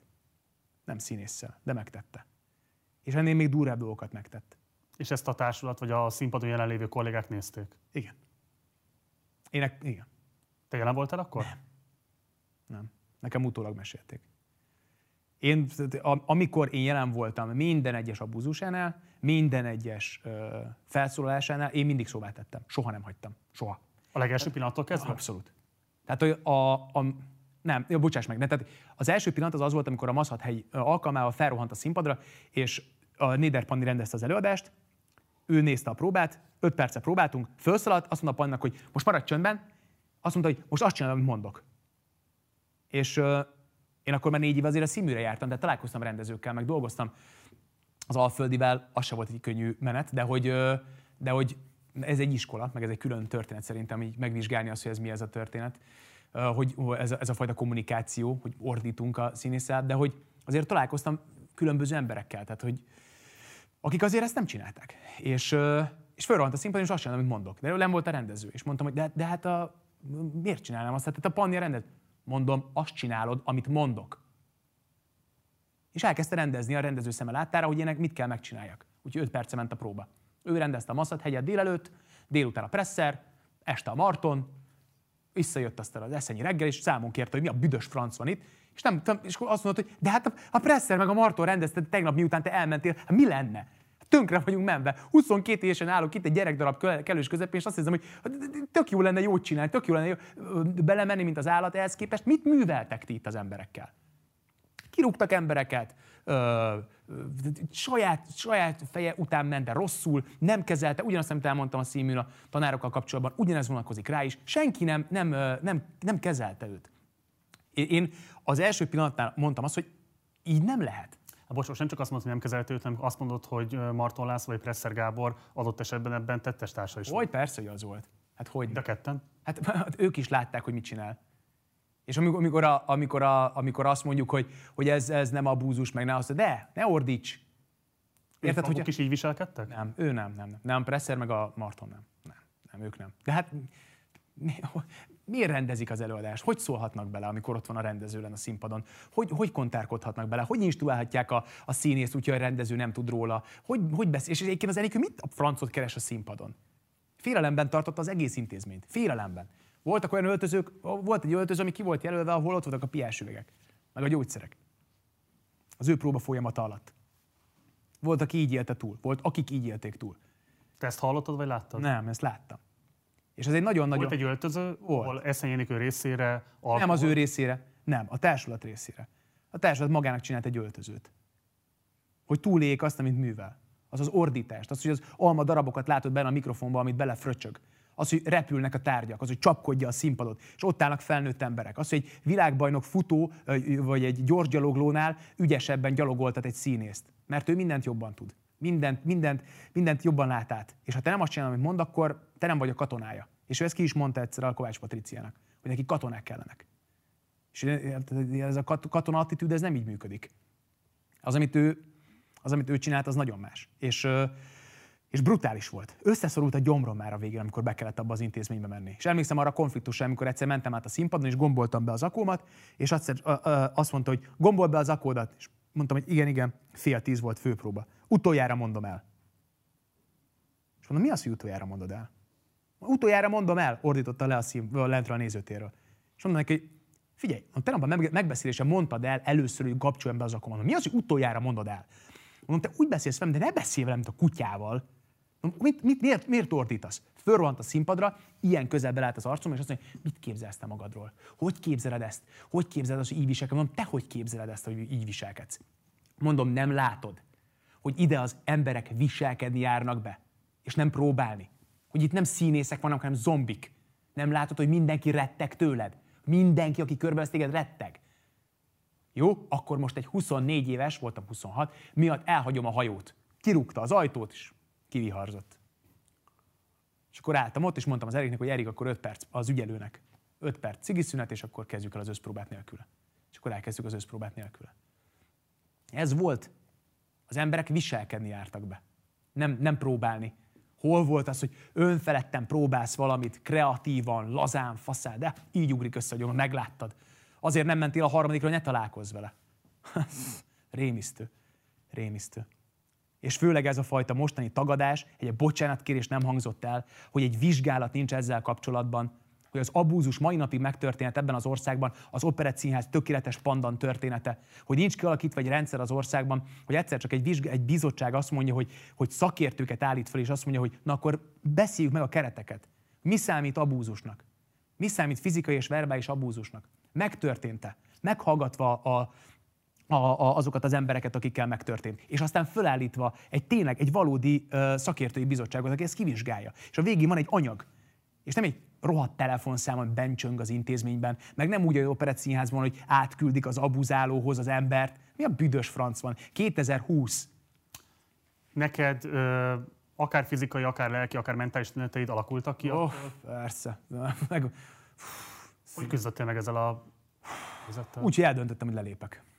De addig, amíg ezt a döntést meghoztad, addig hogyan küzdöttél ezzel? Harcoltam vele. Magadban, úgy értem? Tehát, hogy, hogy hogyan próbáltad ö, akár, akár normalizálni magad számára, hogy oké, okay, ez a munkahelyem, valahogyan teljesítenem kell. Láthatóan mindenki megbékélt vele, akkor lehet, hogy nekem kell adaptálni. Sehogy, Marci. Nem, nem, nem tudtam feldolgozni. Nem tudom. Nem, sehogy. Nem tudtam feldolgozni. Nem tudtam. Frusztrált voltam. Ittál? Dühös. Ittam. nem aludtam, buliztam. Volt például egy, egy alkalom, amikor elmentünk külföldi vendégjátékra, akkor kezdődött az évad, és emlékszem, hogy ilyen gyűlöletes emlék volt, hogy, hogy újra bele ebbe a... Tehát éreztem, hogy el akarok jönni, el akarok innen szakadni. volt már? Tessék? Hányban volt már? 2016, azt hiszem, 2016. És mentünk vendégjátékra a bodóikkal, és írdatlanul berúgtam egy éjszaka, és szétrúgtam egy asztal lábát, ilyen megengedhetetlenül viselkedtem, összetörtem egy képet, előbb belem az állat, tehát na, tényleg nagyon be voltam rúgva. És összetört képek, ahol leszorítottak, öten fogtak le, zúztam, törtem, zúztam, és akkor az Enikő azt mondta, hogy akkor, akkor ő felfüggeszti a társadalmi tagságomat, de nem rúg ki. De hogy innentől, onnantól kezdve kezében voltam. Tehát, hogy rajta múlt, hogy most akkor kapok-e szerződést, nem kapok-e szerződést, és mondták, a, Mar, a Marton ült, az Eszenyi, meg a, a gazdasági vezető, és mondták, hogy hát ők ilyet a Víg Színházban még nem, ilyet még nem láttak, hogy ilyen történjen. És az volt, hogy akkor döntöttem el, hogy hogy a, a nagy büdös francokat, hogy nem. Senki nem volt, akivel tudtál volna beszélni, vagy aki ezt segítségért tudtál volna fordulni? Hát azért ott volt az osztályfőnök, ott voltak az SZF-in a korábbi tanárai. Próbáltál például náluk valamilyen módon tanácsot kapni arra vonatkozóan, hogy mi, mi az Isten kezdjek ezzel a helyzettel? Mindenki tudta, hogy mi a helyzet. Mindenki megélte már vele ezt a történetet, mindenki pontosan tudta, hogy hogy viselkedett. És mi volt a mondásuk, amikor tematizáltad, hogy te ebbe tönkremész? Maradj csöndben, hamarabb szabadulsz. Ez volt a mondás. És az volt a durva, hogy, hogy a, az összes történet, amiket elmeséltem, az ventiláció volt. Tehát azt láttam, hogy, hogy nem produktív. Tehát nem, nem sikerül változtatni a helyzeten. Egyedül maradok, amikor odaállok egy helyzetben, amikor segíteni akarok valakinek, akinek a gyereke, ugye a gyereke miatt nem tud bemenni próbára. Odaállok az Enikőhöz, és azt mondom neki, hogy de hát nem tudott normális embert szerezni, aki vigyáz a gyerekére, és hátra nézek a hátam mögött, amikor öten vagy tizen indultunk meg, és senki nincs a hátam mögött. Volt pár ilyen helyzet. Nem álltak be, féltek tőle, rettegtek tőle, és meg ordít az arcodba. És ezeket a történeteket inkább ventiláltam. És most ezt nem, nem azért szeretném elmesélni, mert ez, ez egy nagyon érdekes pillanat volt, amikor, a, amikor most a legutolsó pillanatban azt mondtuk, hogy eddig is ne tovább, az Enikőnek az attitűdjével. Mi összejöttünk barátok, akik régen megélték ezeket az emlékeket, amiket Enikő csinált velünk, és körbeálltunk most név nélkül, de tényleg színészek, asszisztens is volt ott most. Ez valahol pont március környékén volt, amikor kirobbant ez a botrány. És sírtunk. Szokogtunk. Elmeséltük a történeteket. Elkezdtünk, elkezdtük ventilálni egymásnak, amiket addig egy csomó helyzetben nem tettünk meg, mert elhülyéskedtük, elmarháskodtuk, viccként csináltuk. Volt egy játék. Az ott a vicc, hogy én azt mondtam a színpadon, hogy, hogy Enikő, van egy ötletem, és akkor a lengyel Tominak az ott a vicce, hogy volt egy ilyen ö, polifóm rúd, és azzal így rácsapott ugye a vádlim ez, ö, ugye erre a részre, akkor én letérdeltem, és így rácsapott ugye a fejemre, és akkor meg, meghaltam. Ez volt a viccünk. Hogy te amikor akarsz mondani valamit, akkor ez történik veled igazából. És akkor mindig kurvára nevettünk, ez milyen vicces volt humorral próbáltuk előzni azt, amit ő művelt velünk. Megpróbáltuk átnevetni magunkat az abúzusokon. És most, amikor összegyűltünk márciusban, akkor sírtunk. Fiúk, lányok vegyesen. Előjöttek a legdurvább, legótvarabb történetek amiket tényleg nem szeretnék elmondani, mert, mert majd, hogyha a vizsgálat valamikor eljut valamilyen szintre, akkor remélhetőleg valami kikerekedik belőle. De ha nem mondod, akkor hogy fog eljutni a vizsgálatod? Mi már ezt elmondtuk. Tehát ez most... Ez... Akik a vizsgálatot lefolytatják a Vixenázban, azok ismerik ezeket a történeteket. A, igen. 70 történet van ott. És abban van fizikai és verbális abúzus is. 70 ember. Szexuális? Erről nem tudok. De fizikai bántalmazás történt? Persze. Hogy? Durvább is, mint az, hogy a fülén vezetve valakit végigvonszol a... Igen. És ezek megvannak, ezek a történetek. Le vannak írva. Rendőrségi feljelentés mielőtt kitörtél volna ez az egész botrány, Soha nem született eszenyénkövel szemben? Nem. A fenntartó felé bármilyen módon keresetek-e kapcsolatot, akár még ebben az időszakban? Nem, hogy soha. Mi nem. zajlik a fenntartása alatt? Nem, nem, nem, és elmondom, amikor valaki azt mondja, hogy miért most? Hát egyrészt én nem most, hanem onnantól kezdve, hogy az Enikő az első abuzív gesztusát megtette, én éveken keresztül csináltam ezt. És nem csak én, Mészáros Máté és többen, Csöre Gábor, Hegyi Barbara, beleálltak többen ebbe a történetbe, annó már a színházban is, amíg ő ott volt. De mi nem tudtuk, mik az eszközeink, Marci. A kutya... Mi az erejét Eszenyénikőnek szerinted? A, a, a Vixen ez kicsiben olyan, mint a Magyarország nagyban, hogy nem nincs következmény. Nincs, nincs valódi következmény. Szakmai elismertség védte őt? Ő volt akkor a legbefolyásosabb nő. A Forbes szerint. Ő volt akkor a legbefolyásosabb nő. Koreával tárgyalt, nem tudom kivel tárgyalt, ide mentek ott. Tehát tényleg valóban nagyon komoly befolyása volt. Nagyon komoly. És nem voltak következményei. Nem voltak, nem voltak ezeknek a tetteknek következményei. Ugyanaz, mint most nagy, nagyban ebben az országban sok brutális helyzetben van. Hogy egy hústorony, akinek meggyilkol érted autójával előtt x embert, egy kokainos partia közben még mindig szabadlábon mozog. Hogy az, hogy egy pedofilnak még mindig itt van kieres lehetőség és pénzbüntetés kap. Enikő, Enikőnek a pénzbüntetés annyi volt, hogy én hátra a takarásban azt mondtam, hogy ez hogy képzeled, hogy így beszélsz ezekkel az emberekkel, hogy teheted ezt meg? És akkor néha azt mondta, hogy mit mondtál, kerekedett a szeme, és fröcsögött a szájban és ordított fel, és néha meg azt mondta, hogy igen, igen, igazad van. És aztán utána csinált mindent ugyanúgy. Ti nyilvánvalóan súlyos traumákat hordoztok. Valószínűleg ez tört ki ott, amikor volt ez a kör, amiben találkoztatok és megosztottatok a történeteket. Kértétek-e szakember segítségét, hogy ezt fel tudjátok dolgozni? Te személyesen jártál-e bármilyen segítő szakemberhez ahhoz, hogy ezen túl tudj lépni? Én nem. Én ennél nem azt akarom, de erősebb voltam ennél, de volt, akinek... Erőkérdése? Hát lelki erő. Tehát, hogy ez, ez, ez gyerekkortól eredeztethető. Tehát, hogy nekem ezt, mivel édes, édesanyámmal, ugye, ahogy végigbeszéltük a gyerekkort, én ebben volt egy csomó helyzet, amiben meg tudtam erősödni. Volt, akit ez nagyon brutálisan érintett, és mai napig jár. Mai napig jár szakemberhez ezek a dolgok miatt. De ahogyan most beszéltél róla, te is nagyon erős átéltséggel beszéltél erről. Minden Tehát nagyon-nagyon intenzíven él benne, ezt lehet látni. Igen. Nem volna szerencsésebb ebben tényleg valamilyen módon szakember segítségével végigmenni ezen a történeten és feldolgozni? De én minden alkalommal, amikor például beszélek erről, szerintem az az az. Az az? Igen. Ez ugyanaz színészként... Rettesíti a nyilvánosság a mentálhigiénés segítséget? Um, inkább az eredmény az, ami helyettesíti. Hogyha van eredménye. Ha nincs eredménye, akkor folyamatosan visszatér ez a fajta ventilálás. Mi lenne az eredmény? Egy előadásnál például, mondjuk vegyük a... a... Nem, de a konkrét helyzetben mi lenne az eredmény? Hát, hogyha a, a konkrét helyzetben, ami számomra a legeslegfontosabb, hogy felépüljön egy olyan szakmai bizottság, akik tényleg szakértőkből álló bizottság, akik kivizsgálják ezt a helyzetet, megállapítják azt, hogy ez fizikai és verbális abúzus volt-e vagy sem, tehát azt mondja ki, hogy mi ö, boszorkányüldöztünk valakit, és az valaki ártatlan, vagy nekünk igazunk van ebben a helyzetben, és ez az, feláll egy etikai kódex, ami érvényes minden egyes színházra, és innentől kezdve ezek a dolgok büntetve vannak, illetve ö, ennek következményeik vannak. Te a mai magyar szakmai és politikai viszonyok között bármi esélyt látod ennek? Abszolút, Marci. Persze. Hogy a fenébene? Hát hogy a fenébene? Ne viccelj. Hát, hát amikor uh, régen, ha most megnézzük például, a. Akkor, amikor Kisbé Attila, amiközben egyébként ugye te is elmondtad, hogy miket követette az Operett Színházban, most ugye osztályvezető tanár lesz az SZF-én, és most mehetünk végig a további tanárokon akkor ez egy reális elvárás? Abszolút mértékben. Ha nem, ha nem várod el, akkor buktad. Ha ezt nem... Ezt értem, de hogy ha, ett, ha ettől teszed függővé a saját mentális jólétedet, hogy bekövetkezik-e a számonkérés, bekövetkezik az igazságtétel, akkor olyan erőknek teszed ki magadat, amikkel nem feltétlenül van befolyásod. De, szerintem meg van befolyásunk. De, de, szerintem meg van. Tehát abban a pillanatban, hogy ez a 14 ember megfogalmaz, hogy mi, hogy mi történik, annak a vége az lett, hogy az Eszenyi Enikő már nem a Vígszín az igazgatója. Ez egy nagyon fontos lépés. És hallgatás övezi a tetteit. Nem, mert 70 ember elment, és elmondta a történetet. Ott van egy ilyen bizottságnak, amiben nem volt egyébként szakember, és amely bizottságnak a munkájáról a mai napig nem tudunk semmit. Akkor mostantól kezdve nekünk az a feladatunk, amit csinálunk is, hogy számon kérjük, és azt mondjuk, hogy mi lesz, a, mi lesz ennek az eredménye. Hol van az etikai kódex? Amikor találkozom veled, vagy amikor elmegy a következő interjúra, minden egyes pillanatban ezt el fogom mondani. És addig fogom ezt mondani, amíg ez meg nem történik. És addig fogom ezt mondani, amíg egyszer csak a kis Attila ki nem lesz hívva egy osztályfőnöki óráról, és számon nem lesz kérve. És beidézve akár rendőrségre, akár bíróság elé.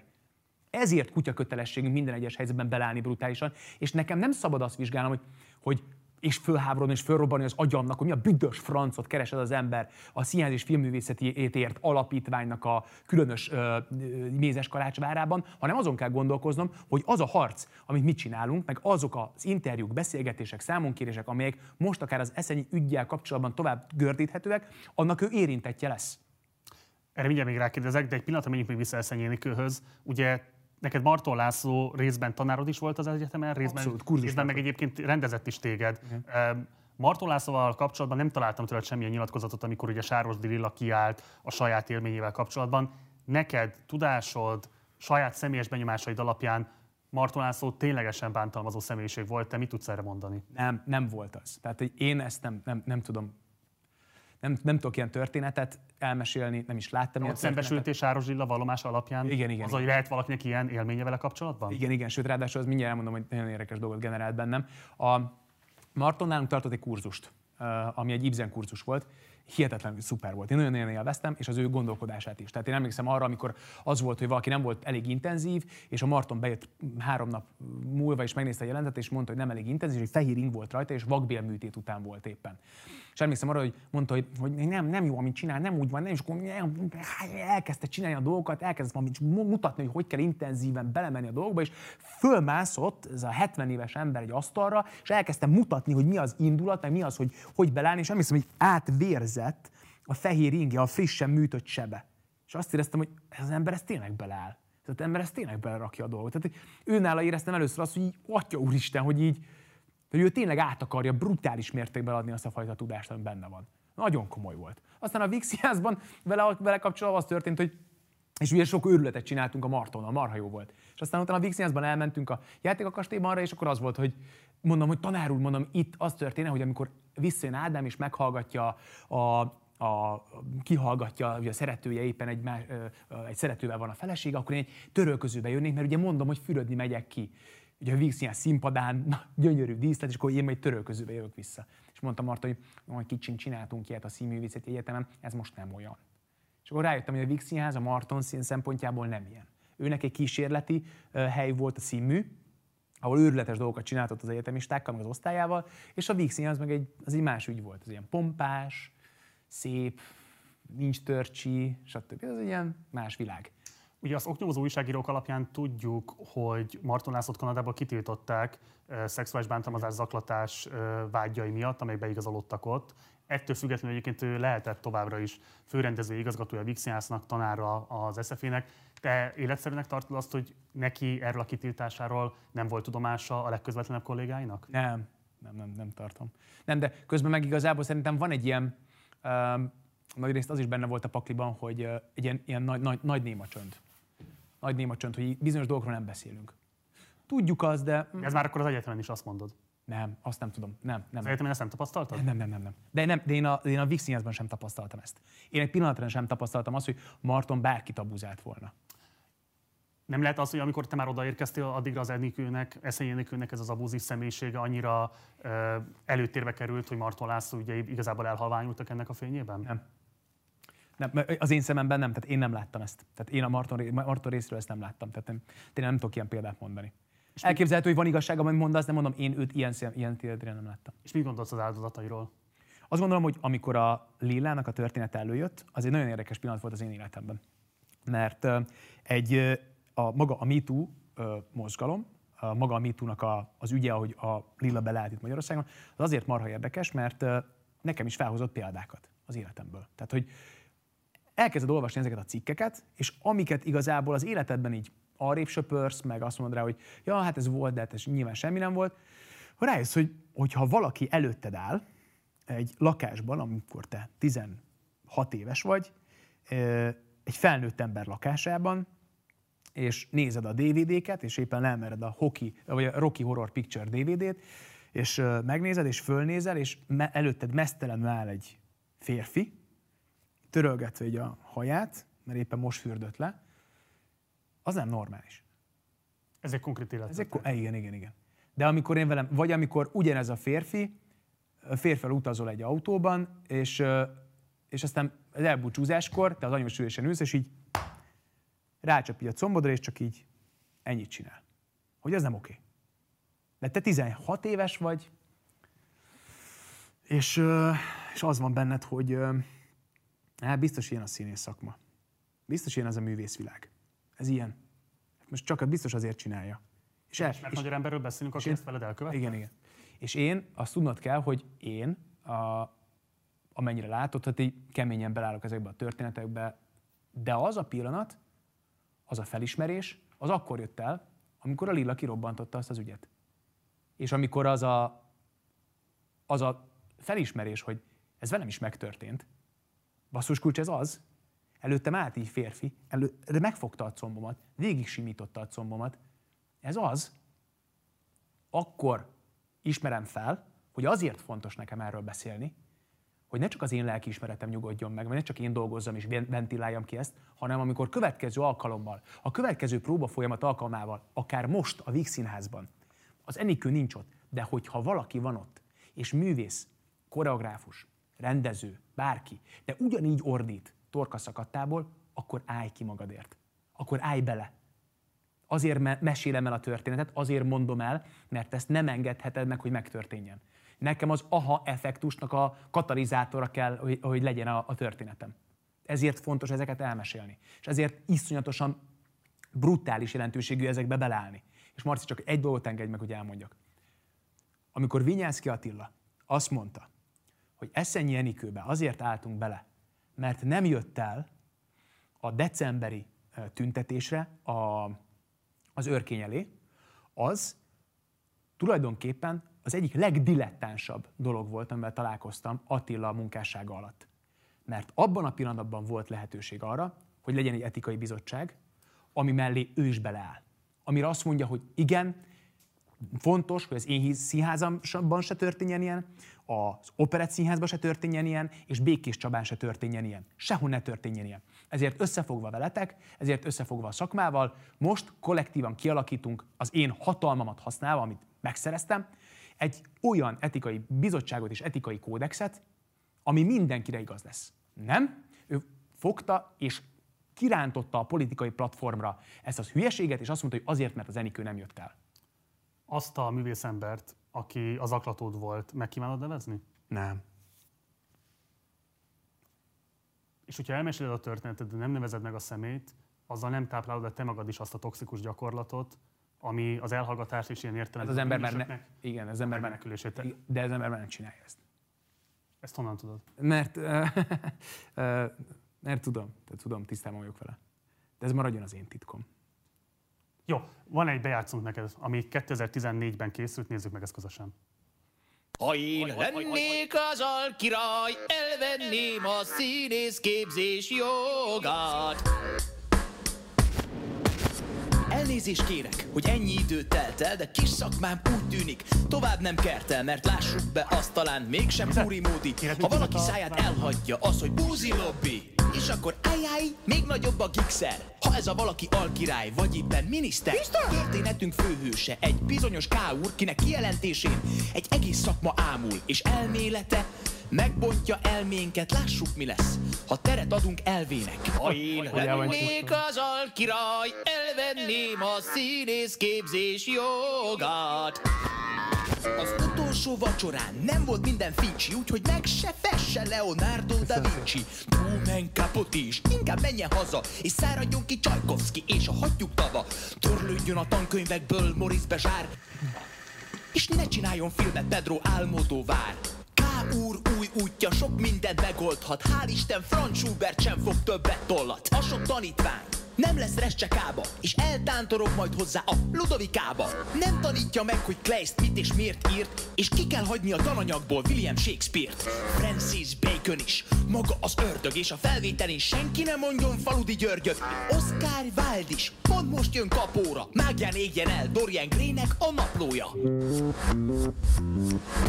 Őrült a beszéd, és nincs is benne rendszer, úgyhogy megkérem K. úr, hogyha még egyszer arra fanyalodna, hogy köpködjön és szapuljon a másságról. Egy kicsit többet kell, hogy tanuljon. Őrült a beszéd, és nincs is benne rendszer, úgyhogy megkérem K.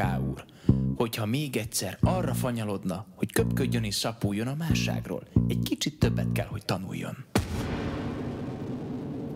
Tudod, ki volt az első ember, aki ez a klip után fölhívott? Marton László. Mondta, hogy kicsim, gratulálok, ez nagyon-nagyon komoly volt, nagyon jó, nagyon jó, hogy beleálltál. Wow. Hogy ugye azért revelatív ez a klip, mert ez 2014-ben készült, a kontextusai az volt, hogy Kerény Imre egy beszélgetésen vett részt Vigyánszki Attilával, egyrésztről a buzi lobby erejéről írt, a magyar színházi szakmán, beszélt a magyar színházi szakmán belül, illetve arról delirált, hogy amennyiben neki alkirályi jogosítványai lennének, akkor ő elvenni a színészképzés jogát a SF-től. Um, ugye, amikor ezt a klipet kitetted, te még a Víg Színháznak voltál a tagja, hogyan fogadta a társulat, hogyan fogadta Eszeny Énikő ennek a megjelenését? Két nagyon jó halmas csináltál. A társulat nagyon-nagyon szimpatikusan, nagyon lelkesen vette. Tényleg először a Marton hívott, aztán a Hegedűs Dégéza. hogy milyen szuper lett, és milyen, milyen kajak, hogy ebbe beleálltam, a társat nagyon frankon beleállt, és a kis folyosón voltunk, ami a nagy színpadra vezet, és a, a, az egyed Móni, a csodálatos asszisztens, még írtatlan jó fejcsaj, mondta, hogy ott, ott állt az Enikő is, és mondta, hogy Áron, milyen kurva jó lett ez a klip, és milyen bátor, és hogy Enikő, láttad? És Enikő így állt, és igen. És így kérdezte Móni, hogy de mi van, nem tetszett Enikő? Rám nézett, hát nem kérdezted meg, hogy forgathatsz lent a, izé, a díszletraktárban. És akkor azt mondtam, hogy mi van? Mi, mi van? Nem kérdezted meg. És tök igaza volt. Tényleg nem kérdeztem meg. És azt mondtam, hogy Enikő, ha megkérdezem tőled, hogy forgathatok-e lenne a díszletraktárban, megengedted volna, hogy forgassak? Nem. Mondom, ezért nem kérdeztem meg. Ja. Miért pont ez volt az a pont, amikor azt érezted, hogy nem maradhatsz csöndben, hogy meg kell csinálni egy ilyen klippet? Miért pont Kerény Imre mondatai váltották ki belőled ezt a reakciót? A színmű minden mm, szarságával, hülyeségével együtt a, a, az én bölcsőm volt színészként. És ez egy ostobaság, amit ő kijelentett. Ez, hogy ha az ő világában a buzilobbi, Attiláik részéről a bal liber, szélső balliberális, itt tudom én micsoda, ezek, ezek billogok, amiket nem süthetünk rá egy ilyen intézményre. Ha meg akarjuk változtatni a rendszerét, az egy kollektív, közös párbeszéddel és súlyos, hosszantartó vitákkal és nagyon komoly gyakorlati gesztusokkal kell megtennünk. Nem így. Nem így, hogy ráégetünk van bélyeget. Ugye ekkor már azért jó hosszú évek óta tartott, zajlott a Nemzeti Együttműködés rendszerének a dúlása a színházi szakmán belül is. Kerény Imre is ugye ennek egyébként egy meghatározó figurája volt, de Vinyánszki Attila dominancia is teljesen egyértelmű vált ekkora már, sőt évekkel korábban. Um, és közben meg te a Víg Színházban dolgoztál, átélted ezeket a bántalmazásokat, szemtanúja volt ennek a toxikus munkakörnyezetnek. Um, az soha nem fordult meg a fejedben, hogy esetleg erről énekelj, vagy valamilyen módon ezt kezd el tematizálni? Két dolog, ami eszembe jutott. Az egyik az, hogy erre válaszolva, az egyik az, hogy amikor valaki azt mondja, hogy politikai, párpolitikai ügyek voltak a színműn, én erre visszaemlékezve képzeld, de ezt most mondom el először, ezt nem meséltem én sose, de hogy a, a, én csak a Kerényi Imrének a vizsgájában láttam ilyet. Hogy előkerültek a kerítések, hogy aktuálpolitizálva voltak a dolgok. Ezt ő, hoz, ő, ő tényleg behozott egy ilyen világot. De az kifejezetten Fidesz narratíva volt, amit ő behozott. Hm. A másik pedig, hogy arra reflektálni, amit kérdeztél, de én akkor súlyos háborút vívtam saját magammal. Eljönni a Vixinázból, vagy nem jönni a Vixinázból. Ott maradni ebben, nem ott maradni ebben. Én, én, én alap, alap vetően egy színész vagyok, nekem ez a hivatásom. Én imádom ezt a szakmát, kurvára hiányzik. Tehát, hogy olyan szuper lenne tényleg, nagyon. Tehát, hogy újra visszamenni, próbálni egy előadást, és csak feszít, mert közben meg itt vannak a közügyek körülöttünk, és nem tudom, hogy tudok-e másfél hónapot áldozni, és ezért mondom le sok helyzetben a szerepeket, mert azt érzem, hogy ezt nem tehettem meg az országgal szemben, hogy, hogy én kiszállok ebből a buliból egy pillanatra is. És, és közben pedig benne van az, hogy ott egyszer csak független lettem, Marci, elmentem az őrkényben, megkaptam életem első filmfőszerepét, az őrkényben próbáltam, Radnótiban próbáltam, új emberekkel találkoztam, egész nyáron dolgoztam, tehát olyan csupa-csupa olyan, Miskolcra mentem le 27 évesen játszani, Ványa bácsit, tehát csupa olyan dolog vett körbe, ami, ami egyszer csak elfette ezt, amiben élünk. Én akkor nem tudtam, mi van. Érted? Ha most nekem vissza kell gondolom, hogy, hogy mi volt akkor az aktuál politikai helyzet, nem tudom, nem emlékszem rá. Mhm. Annyira brutálisan benne voltam. De ez mégiscsak áttörte a figyelmed. Ez igen, ez igen, ez igen, mert primitív volt. Tehát nagyon primitív volt, és azt az alma mátert kezdte el szurkálni, ami, ami, ami, a, ami körbevett engem. És akkor ezért gondoltam, hogy gyorsan re- reagálok erre. De aztán... milyen tanár volt, mert tanított is téged? Engem nem. Tanított? Nem, engem nem. nem, nem, nem. Úgyhogy nem, nem tudom. Én erre Ezt a vizsgát láttad, amiről beszéltünk? Több vizsgáját, több vizsgát is láttam, és mindegyikben benne volt az aktuál politika. Tehát ahol, amíg más, másban nem. És mi emlékszem, hogy így, így néztük is így utána, hogy amikor összeültünk a srácok, a csajok, hogy most minek kellett bele, minek kezd belerakni. Nem is értettük ezt az egészet. Minek, minek hogy, hogy jön ez ide? Az nagyon érdekes volt. Tehát, hogy na mindegy, és aztán utána ugye az volt, hogy emlékszem pontosan, hogy a, az ébresztő előtt volt az, hogy az a sok minden, ami körbevett, az egyszer csak átalakult azzal, hogy oké, okay, én színészként oda megyek egy, egy, egy emberként oda megyek egy, egy szerep mögé, és a szerep, szerepen keresztül próbálom megfogalmazni az aktuális problémáimat. Egy szerep tükrén keresztül próbálom. És ez, azt éreztem, hogy ez, ez nem, nem, nem jó így. Nem jó az attitűd. Ez nem, nem, nem fog így működni. Mert nem fogom elérni azt, amit szeretnék. Én imádtam a közönség találkozókat a színházban. A többi kollégámnak sok helyzetben nyűg volt. Még ott maradni előadás után, még beszélgetni. És én meg azt szerettem. Mondd el a véleményed, hadd halljam, beszélgessünk, vitatkozzunk. Nekem tetszett az előadás. Jó, de ezen kívül még mi van benned? Ezek érdekeltek, ezek, ezek feszítettek. És akkor jött egyszer csak az, hogy nem. De, ja, és Radnótiban próbáltam Fehér Balázs Benővel a játékos című előadást, és az volt bennem, hogy próbáljuk, próbáljuk, nagyon, nekem, én, én nem, nem, nagyon nem élveztem azt a próba folyamatot, egyrészt nagyon szerettem volna én eljátszani azt a főszerepet. 30 éves voltam. A, a, érted, a pókot kiharaptam a, a mindenhonnan, ahol, ahova befér a szám. Azt éreztem, hogy így nekem, a, én alkotni akarok, csinálni akarom az ügyeket. Tehát írdatlan felhajtóerő volt bennem, és ehhez képest egy dögriőként, ott egy francia ö, úrként nemeskedek, azt éreztem, hogy ez nagyon messze van tőlem, nagyon. És el is mondtam az Adélának, hogy én jövőre szeretnék kiszállni. Tehát, hogy megcsinálom ezt a, az évadnak ezt a részét, de én szeretnék kiszállni, és akkor már nagyon égetett a Noár. Igen, és szerettem volna közügyekről beszélni. Hajtott az, vágytam. Hamarosan elérünk a Noárhoz is, még ide egy pillanatra. Nem, nem, nem, nem is akartam róla beszélni. Mert ez nagyon fontos viszont, hogy kijön ez a klip, van sikere, látható, hogy a színházi szakmában elkezdtem tematizálni egy olyan fajta színész szerepfelfogást, ami egyébként akkoriban nagyon távol állt az általánosan elfogadott színészképtől. Tehát, hogy egy közügybe beleállsz, művészeti eszközökkel megpróbálsz elmondani belőle valamit. Ez indított esetleg olyan folyamatokat, hogy a ti saját belső feszültségetek, küzdelmetek a vezetéssel, eszénykövel szemben is kapott esetleg új dinamikákat, új szempontokat? Nem sajnos. Nem, nem volt, nem volt ilyen. Ez továbbra is egy egyéni harc volt igen, mindenkinek. Igen, igen. És, és akkor bocs, bocs, bocs. Akkor ennek, ezzel kapcsolatban nézzük meg egy bejátszót még.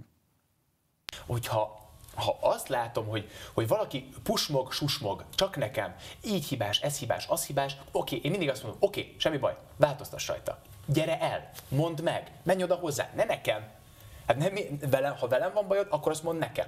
De ha valaki mással, akkor menj oda hozzá és mondd neki revidiálom az előző álláspontomat, nem, ez változott. Tehát ő volt, de, de ez nem a szám hatására.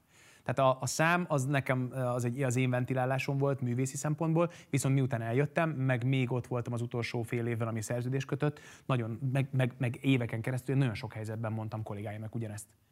Hogy Tehát a... ezt mondtad nekik, amikor azt mondtad neked, hogy Áron, figyelj, nem bírunk Enikővel, hogy menj is mondd el Igen, neki? minden alkalommal.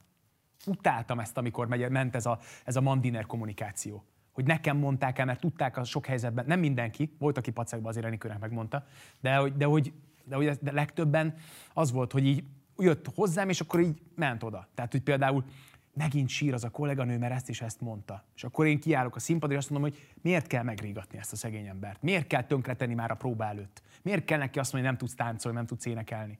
Szolidaritást és védelmet reméltek tőled a kollégáid. Igen, igen, igen. Én, én... Nem voltál erre kész, vagy nem szeretted volna ezt a szerepet vállalni? Nem, nem, én kollektívát szerettem volna, hogy ne egyedül legyek, ne a faltörőkkor szerepében tetszelegjek. Menjek bele, hogy az ő, az ő részükről. Hogy nem baj, majd küldjük előre az áron. Nem, nem, nem, azt szerettem volna, hogy ez egy közös ügy, hogy ebbe közösen álljunk bele. Tehát oké, okay, én ezt megcsinálom. És ez miért nem tudott kialakulni? Azért, mert féltek tőle. Mert nem mertek visszaszólni neki, mert féltek a következményektől, mert egzisztenciálisan is fenyegette ezeket az embereket. Asszisztenseket is.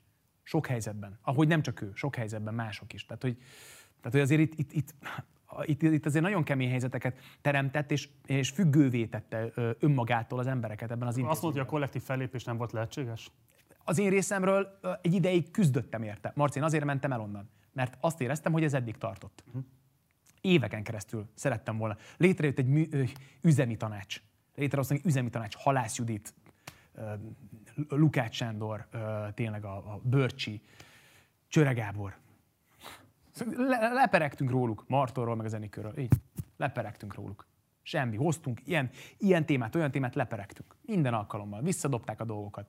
Az fölmerült, hogy esetleg szakszervezetet alapítsatok, vagy a már meglévő szakszervezetet revitalizáljátok? Nem, nem, akkor én nem tudtam még, hogy eznek bármiféle lehetősége van. Annyit tudtam, hogy 2000 forintot fizetek be, azt hiszem havonta, a semmiért, mert egyébként ugyanúgy fél négyig próbálok. Tehát, hogy nem volt túl, vagy túlink volt, de hogy senki nem szólt, hogy túlóra. Tehát, hogy valami helyre fizetek pénzeket, hogy benne legyek ebben az intézményben, de hogy így semmi nem történik.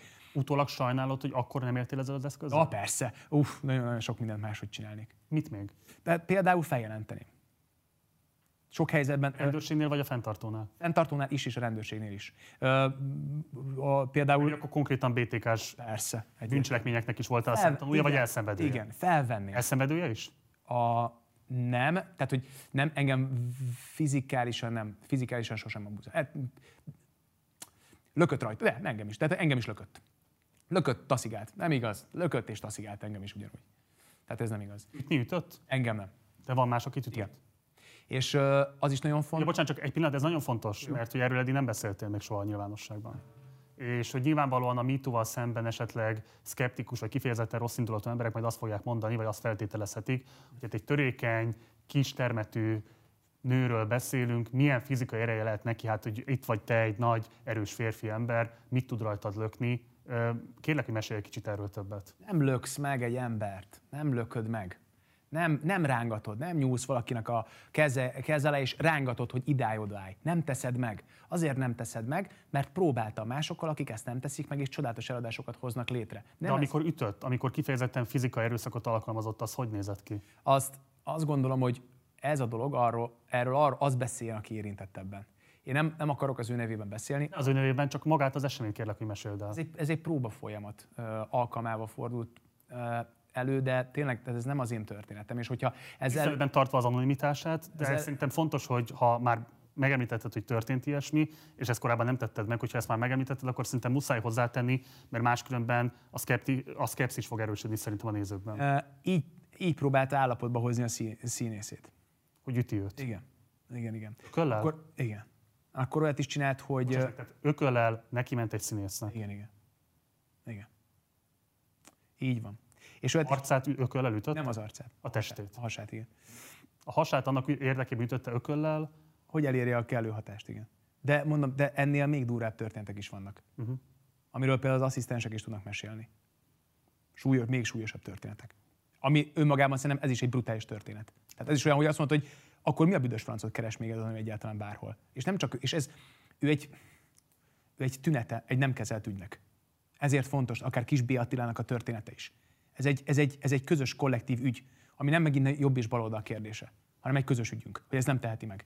Másrészt pedig az, hogy amit mondtam is, hogy amikor megfog, látod milyen érdekes, hogy, hogy azt mondtam az egyik kollégámmal kapcsolatban, hogy hát ő azt mondta, hogy nem, őt nem érte fizikai abúzus, erre most egy óra múlva én azt mondom, hogy hát engem sem ért annyira, de, de, tehát hogy nincs olyan, hogy valaki főn a színpadra, a karod alá nyúl, és elkezd taszigálni, mert szar helyen állsz. Nincs olyan, hogy arrébb lök. Nem teszed meg, ezt nem csinálod meg, nem csinálsz ilyet. Nem ütsz valakit ököllel, nem fenyegetsz valakit életveszélyesen. Nincs ilyen.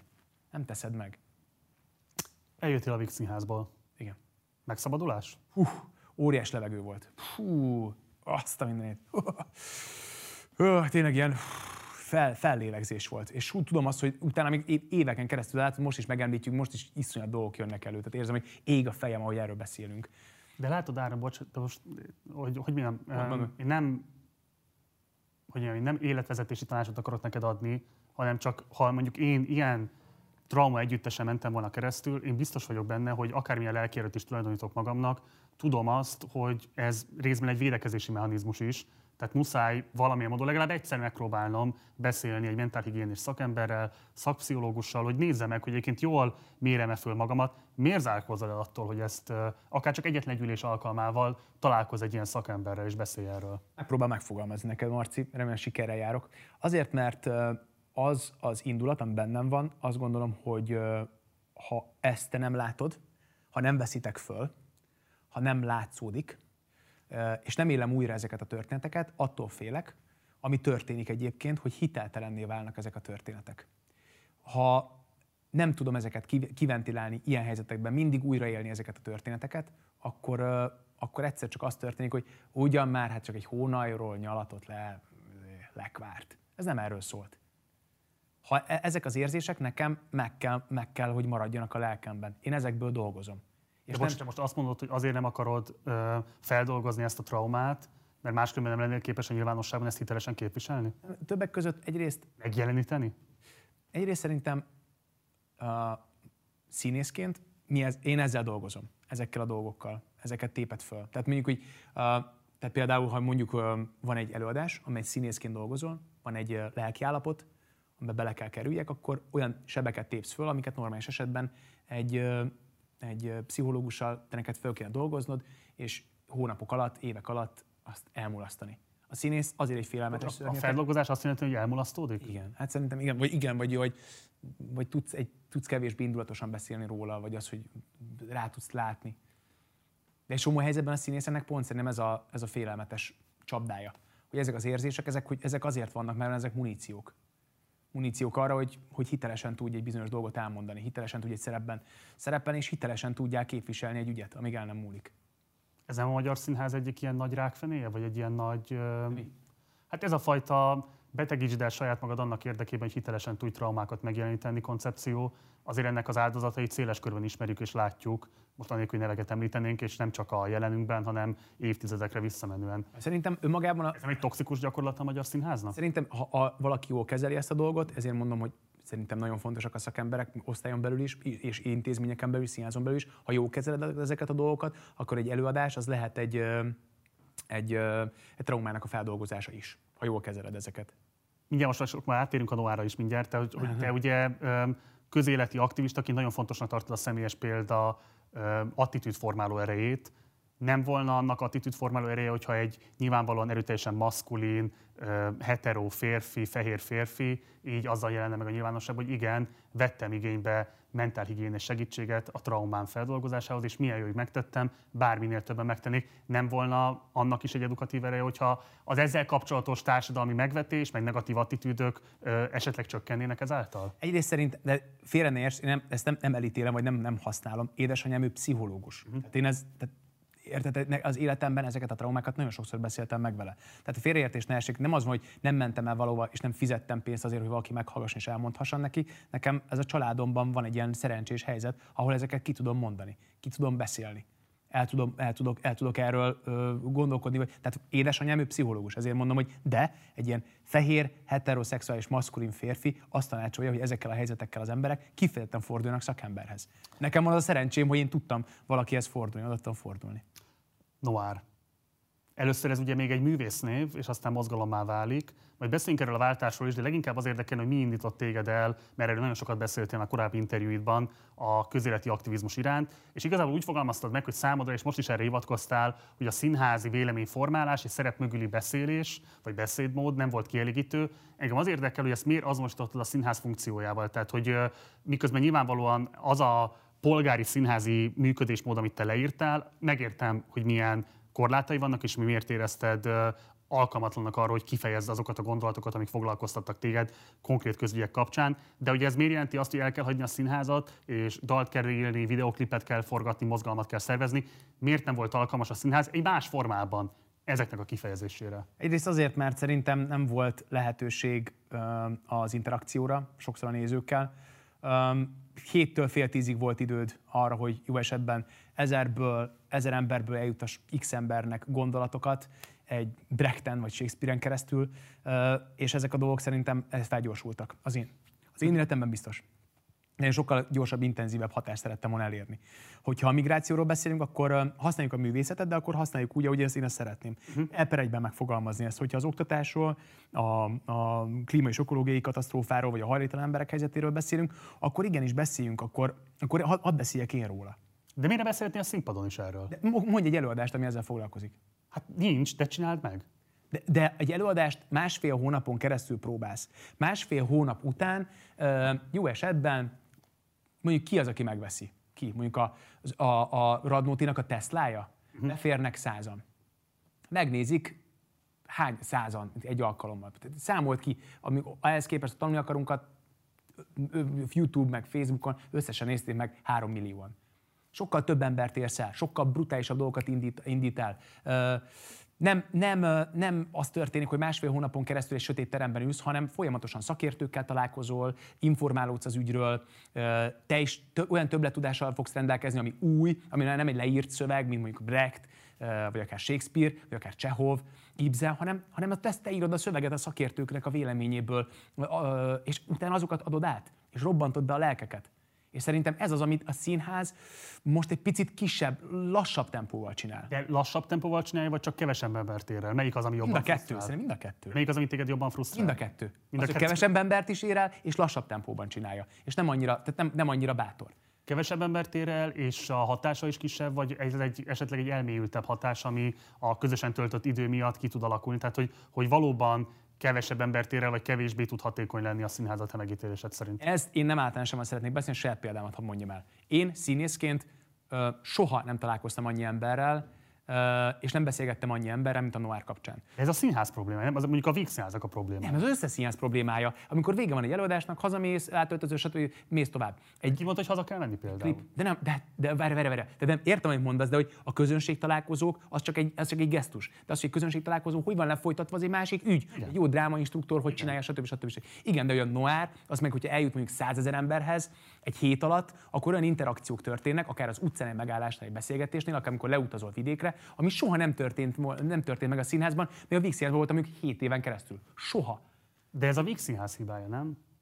Szerintem ez az alapvető ö, problémája a színháznak, hogy kevesebb interakció van, kevesebb nézői találkozó, kevesebb közönség találkozó. Vannak színházak, akik most nagyon intenzívan vonják be például a gimnazistákat, ö, viszik el, de hogy, de hogy ettől függetlenül én a Noárt egy sokkal ö, ö, gyorsabb eszköznek tartom ennél. Tehát a maga a mozgalomnak a, a, az a része, hogy az ügyeknek a részét képzik például a számok vagy a klippek, azok gyorsabban betalálnak egy gimnazistánál. És ha hiába játszom én el, de ez bárhol, a Radnótiban, a Katonában, a Krétakörnél vagy a, vagy a, vagy a Vígben azt a, egy szerepet, egy 11 éves srácnak, hogy miről szól a, a szemétszedés, vagy, vagy ő nem fogja a nyelvtan füzetének az elejére be, beleírni azt, hogy fontos a más hangzók összeolvadása, de fontosabb egy szabad ország szabadoktatása.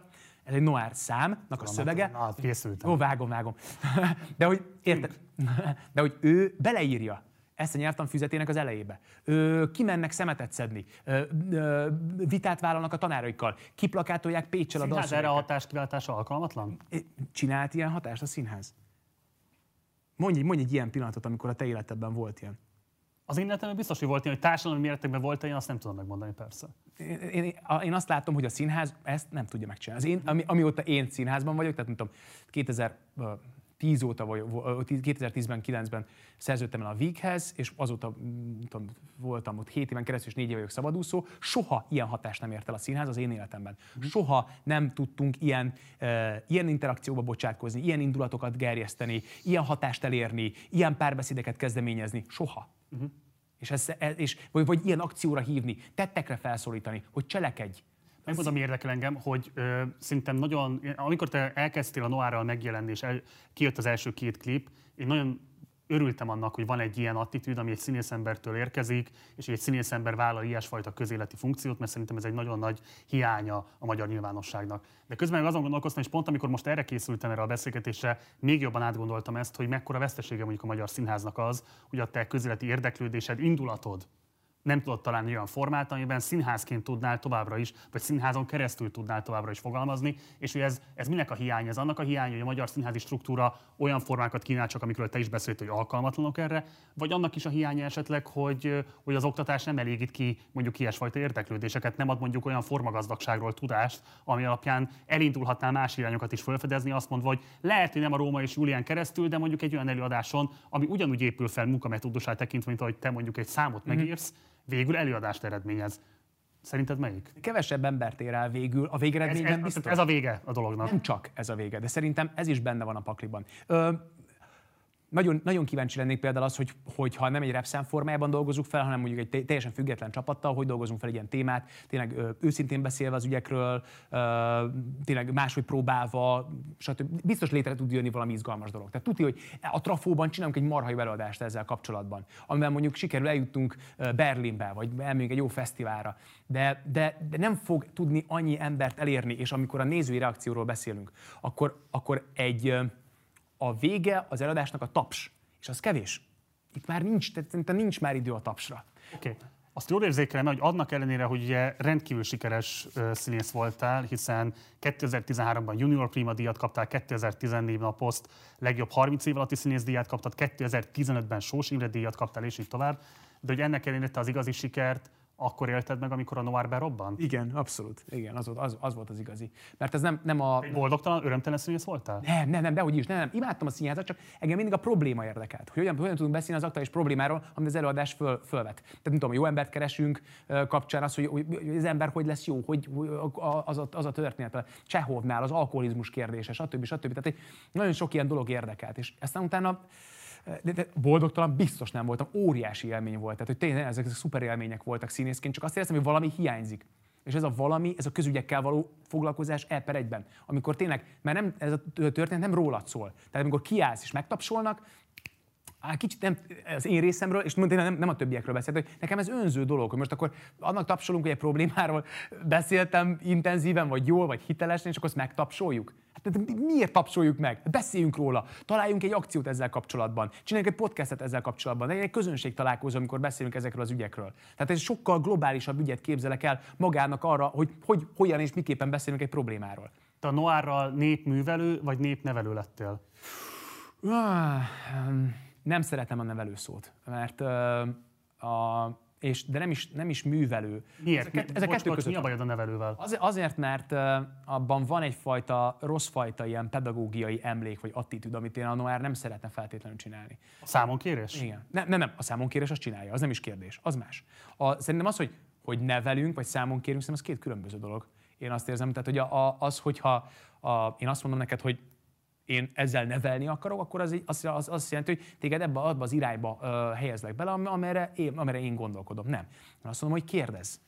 Legyen lehetőséget kérdezni. Tehát kérdőjelez meg engem is, kérdőjelez meg az ügyeinket, kérdőjelez mindent meg azzal kapcsolatban, ami körbevesz.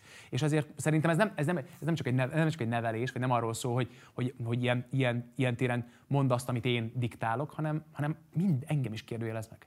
Azt mondtad, hogy jól, ha jól idézek vissza, de kérlek javíts ki, hogyha pontatlanul idézem, hogy az a fontos, hogy az az attitűd, amit képviselni szeretné a világban, hogy azt a szándékot át tud adni azoknak, akiknek szólnak a dalaid. Igen, mert másrészt egy szellemiség, ez egy magatartás. Jó. Amiben, amiben, amiben lehet azonosulni, hogy lehet azt mondani, hogy pff, hogy figyelj, ez engem nem érdekel. De talán igazából, ami engem, ami engem igazán érdekel, ez a párpolitikai függetlenség. Ez az, ami, ami, amiben meg kell valahogy érteni azt, hogy ezek közös ügyek. Hogy a de, de be. Nem csak, hogy a klíma és ökológiai védelem, a gyermekbántalmazás, az oktatás, az nem jobb és baloldal kérdése. Na, erről is akkor mindjárt beszélünk, de előtte még nézzük meg egy bejátszót. Visszagondolva, amikor én voltam tíz éves, uh.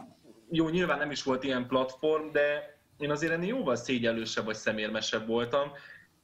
Most meg már figyelj, konkrét egy ilyen, egy, egy, egy ilyen olasz soft pornó megy a, a, a, a gyerekek között, ami Persze, egy, egy, egy részről azt mondom, hogy, hogy igen, a szülőnek is, a, a, sőt, hát leginkább a szülőnek a, a felelőssége, mert nyilván odaadja Julisnak a telefont, hogy jó van, mennyi lőjél magadról egy csücsörítős képet, addig sem kell veled foglalkozni. Hát ugyanakkor meg nyilván azért a platformoknak is a, a felelőssége, hogy, hogy egyáltalán ez, ez kimehet. Hozzáteszem, én elénekeltem a fürdőszobába egy törölközővel a fejemen az Aladdinból az új élményt, és engem letiltott a TikTok, Értem, tehát, ezt a test, tehát azért ezt a testet hosszú távon én sem mutogatnám, tök egyértelmű, de aztán megláttam, hogy 11-12 éves kislány csőcsbe-pöcsbe ott van, és, és, és ő meg aztán, tehát ő, ő, meg, ő meg mehet, úgyhogy, úgyhogy nem értem. Úgyhogy én meg is sértődtem a TikTokra, azóta nem is raktam föl semmit, mert... Igen, de hogy szerintem, figyeljetek, hogy én ebben egy kicsit ilyen kategórikusabban elzárkózom, szerintem ez a, ez a mi felelősségünk ez a ti felelősségetek is. Tehát, hogy az, ha, ha azt mondod, hogy hát meglepő, hogy már 10-12 évesen minket reklámoznak és el tudják adni, hát de nézd meg a saját oldaladat. Olyannak szeretnének lenni, mint te. Azt szeretnék látni, így szeret, ilyennek szeretnének látni, gyönyörűnek, egy fürdőruhában bomba, bombasztikusnak, amikor mellettem van egy sminkészlet, és a, rajta vannak a minták, akkor az arcom is olyan, hogy, hogy, hogy tényleg a, a, a Ariadnénak nem lehetett ilyen arca ez, ez a ti felelősségetek főleg. Jó, de bocs, azért... akkor, mi, de okay. bocs, akkor miért van az, hogy én például ö, ö, 15 évesen még ö, bajszos voltam és izzadtam, és eszembe nem jutott ekkora műkörmöket csináltatni, Ez pedig akkor én mondjuk már akartam modellkedni, és néztem a Adrián Elimát, és irigykedtem rá, érted? Tehát szerintem itt is van valami. Na, nagyon egyszerű az oka. 15, te, bocsáss meg, ezt tudom, hogy most értem, hogy ez nem titkos, titkos, de én nem szeretek ilyenkor annyira, hogy mennyi, mennyi idős vagy? Te 25. Körülbelül. 25, 15 évvel ezelőtt te 10 éves voltál, igaz? TikTok, Instagram, hol volt ez? te egy Nem, tévében néztél, Sport magazin, De tehát... akkor meg MyVip, meg, tehát volt akkor... is de egy pillanat, bocsássatok meg, a mi időnkben nagyon máshogy nézett ki ez a dolog, ha már így a mi időnkről van szó. Nem az volt, hogy elkértem apa telefonját, mert kettő van neki, apa scrollozik, és van idő megnézni a rólad készült képeket. Tehát az van, hogy megnézem a fotóidat, meg, me- mert ezt tudom csinálni. És a pornó is ennyi. Ennyi. Nem kell megadni az életkort, nem kell megadni semmit hozzá. Föl kell mennem, megnézni a rólad készült képeket, és olyan akarok lenni, mint te. Ez, ez, ez a, és ez nem úgy van, hogy a mi, a mi időnkben egy hotma, anyám összeragasztotta régen a Bravónak a pornó részét, amikor fiatal voltam. Most mit ragasztasz össze? Összeragasztod a, a telefonnak a gombjait? Hát ez, ez Ezzel nem egy- van. Hát egy, egy más, világ, más világban élünk, és, ti- és, és ti teremtitek meg ezt a közeget, amit most számunk kész 12 éveseken. Bármint, Én nem- melyik- nem kérek ezeket. Nekem, én, Mondja. én nem szoktam kitenni a csöcsömet, bármennyire is kérik, illetve mondjuk, tehát hogyha engem utánoznának a 12 évesek, én aztán nagyon boldog lennék. Majd utána ez az úriember azt mondta, hogy a pedofilokat ugye halára kell ítélni. De hogy ez nem, a kaletára ez nem vonatkozik, de hogy, de hogy rájuk halálbüntetést kell kiszabni. Hát ez micsoda felelőtlenség. Ugye azt mondod a videóban, hogy ti teremtitek meg azt a közeget, ami mintául szolgál ezeknek a fiataloknak. Igen. Nem biztos, hogy pontosan mondtam, de ugye ez volt nagyjából. Ez, ez a mondandója lényeg. Ez az ő felelősségük, vagy pedig annak a társadalmi-gazdasági rendnek, amiben élünk, és ami termeli folyamatosan egyébként ezeket a kényszereket, független attól, hogy egyébként ők hogyan reagálnak rá. Hoz, hoz létre az új rendszert, erre ezt tudom mondani. Hát ne, ne, ne, ne, ne, ne, ne, ne, ne bólincs be. Tehát, hogy használd az ő eszközeiket, használd a Facebookot, használd a YouTube-ot, használd a TikTokot, de értéket teremtve vele. De számon lehet inkább kérni mondjuk az Osváth Zsolton ezt, mint mondjuk magán a TikTokon, vagy magán a YouTube-on, hogy egyébként az algoritmus miért úgy van programozva, hogy ezeket a tartalmakat preferálja. Hogy a fenében ne lehetne számon kérni? Hát figyeljetek, azt, azt, nem, azt nem lehet mondani, hogy, hogy a, a, az én létrehozott csatornámon én nekem egy robot mondja meg, hogy mit mondjak. Nem, az az én ügyem. És hogyha én nekem van 180 ezer követőm, és azt mondom, hogy a pedofilokat meg kell ölni, az egy felelősség. Az egy, az egy, az egy írdatlan, brutális pillanat. És az egy írdatlan, brutális pillanat, amikor fogom is egy, egy, egy, egy interjúban arról beszélek, hogy hát a lányok, meg a tíz éves lányok sminkelik magukat, és közben nekem kim van a fotó magamról, ahogy sminkelem magam brutálisan szépre. Hát az, az, az meg az ő felelőssége. Ez az ember felelősségre. Mire használod a csatornát? A Noir-nál, ha megnézed a YouTube-ot, rákattintasz bármelyik videóra, soha nem jön föl hirdetés. Soha. Mert én nem állítottam be hirdetést. Azért, hogy ne ugorhasson föl a nem tudom kinél a mi hazánk, a másiknál pedig a Momentum, meg a, vagy egy Blendamed reklám. Nincs ilyen. Nincs, nincs ilyen, mert ez volt az én vállalásom, hogy nem fogom, ne, én használom a YouTube-ot, mint eszközt, de a YouTube ne használjon engem. Ne próbálja föltüntetni a reklámokat, tehát ez, az, ez, a, ez a te lehetőséged. Ezért mondom, az, az, azt mondani, hogy azt mondani X követővel rendelkezve, hogy, hogy valakit meg kell ölni, és aztán utána pedig, a, mert, mert, hogy, mert hogy pedofil a másik, pedig utána pedig azt mondja, hogy, hogy de ez a kalettára nem vonatkozik. Hát ez micsoda ökörség, átgondolatlan ostobaságok tömkelege, amiben, amiben meg kell határozni, hogy mire használod a csatornát. Nem akarok lenni az Osváth Zsolt védőügyvédje, csak kérdezem, hogy egyébként ugye azért ő nem csak ezt képviseli, mondjuk azon youtuberek egyike, nagyon kevesek egyike, aki mondjuk például az SZFE ügyben képviselt nagyon markáns véleményt, aki beleáll mondjuk a szélső jobboldali homofóbia elleni kampányba, aki nagyon sok minden egyéb társadalmi ügyet is fölvállalt. Ebben a kérdésben valóban ellentmondásos a nyilatkozata, érdemes erre leszűkíteni az ő tevékenységét, és érdemes ebben törésvonalat képezni, miközben lehetne akár a szövetségesed is. Persze, persze, de ez a beszélgetésnek a, a, az apropója volt. Tehát én nem, véletlenül én, én nem ismertem az ő munkásságát teljes terjedelmében. Amikor tudtam, kik a vendégeim, akkor utánuk néztem, és megnéztem videókat. És én nem is láttam ezt a kalettával kapcsolatos videóját. Ő hozta fel a beszélgetés alkalmával. Mhm. Én nekem a, a beszélgetés alkalmában pendítette meg ezt a húrt, érted? Tehát én nem, nem ezt most nagyon el akartam neki mondani, hanem megrökönyödve álltam az ő gondolatában. Szerintem ez szuper. Tehát, de önmagában szerintem az, hogyha ő ezekbe az ügyekbe beláll, az én nézőpontom szerint ez az evidencia. Hogy nem azon kéne nekem gondolkozom, hogy jaj, hát de jó, hogy ő ezt csinálja, és egyébként néha botlik, de arról, arról inkább ne beszéljünk, hanem arról is beszéljünk. És arról, hogy neked evidencia, de azért a magyar YouTube szénán belül ez nem evidencia. persze, de én, nekem úgy kell kezelnem, hogy ennek, eznek evidenciának kell lennie. Nekem az alapattitűdönnek Ezt számon kell kérned? Szerintem igen. Nekem ezt szerintem kutya kötelességem számon kérni. Ha ezt nem teszem meg, ha nem kérem számon, érvekkel és szeretettel, vagy azt mondva, hogy figyelj, ez a te felelősséged, akkor valamiféle olyan dolog mellett megyek el, amit, ami egy felelőtlenség. Hol a határ? Mert ugye beszéltünk nagyon hosszan arról, hogy te az egyetemen hogyan ö, vegzáltad az osztálytársaidat a vélt valós elvárásaiddal. Itt most meg arról beszélünk, hogy neked milyen felelősséged van számon kérni embereken, viselkedés mintákat, szerepfelfogást és így tovább. Hol húzódik a határ, amikor ez már indokolatlan tolakodás, belenyúlás olyan privát szférákba, amihez semmi között nincs, illetve társadalmi felelősségvállalás, felmutatása káros vagy kártékonynak gondolt attitűdöknek, amik ellen szót emelsz. Hogy hol a határ? Hol a határ ebben? Hát figyelj, amikor nyilvánosan fönt van egy videó, onnantól kezdve te nyilvánosan hozzászólhatsz. Szerintem ez egy lehetőség. Ha te nyilvánosan nyilatkozol valamit, akkor nyilvánosan vállalnod kell a felelősséget ezért a dologért. Egy beszélgetés alkalmával valamit elmondasz nekem, akkor vállalnod kell a következő alkalommal hivatkozni fogok. Szerintem ez egy ilyen ügy. Hát, hogy csak hadd magyarázzak el, nekem van egy nagyon kedves barátom, aki a, egy, a, egy, egy, egy hívő lett, és kirakott egy, egy fotót arról, hogy, a, hogy a, meg kell védeni a családokat. Ez egy cover fotó volt. És egy cover fotó az nyilvános. És ez, ez a fiú, ez nem, nem, nem, én nem így emlékeztem a mi barátságunkra, és annyit írta neki, hogy szia, mitől kell megvédeni, és melyik családot. És akkor elkezdődött egy diskurzus erről. Nagyon sok kritika ért ebben a helyzetben, hogy, hogy ezt miért nem lehetett személyesen. És szerintem ez egy másik dolog. Hogyha mi ketten leülünk egy sörözés alkalmával, egy Margit szigeti futás alkalmával, és feljön ez a téma, akkor beszélgetünk erről, hogy ez hogy a fenébe van. De amikor te nyilvánosan használod ezeket a platformokat, számíts a nyilvánosságra, számíts a reakcióra. Tehát szerintem itt a határ. Egy kérdés ide még nem aránytalansága Osváth Zsolton számon kérni ezt a pedofíliával kapcsolatos megnyilvánulását, miközben egyébként számos ügyben messze bejebb tart, mint bárki más a YouTube-on, miközben egyébként meg konkrétan vannak olyanok, akik a halálbüntetés teljes visszavezetését propagálják, és akik valóban súlyosan kártékony szerepfelfogással működnek a társadalomban. Nem, nekem számon kell kérni, hogy egy beszélgetés alkalmával feljön. Nem mehetek el mellette.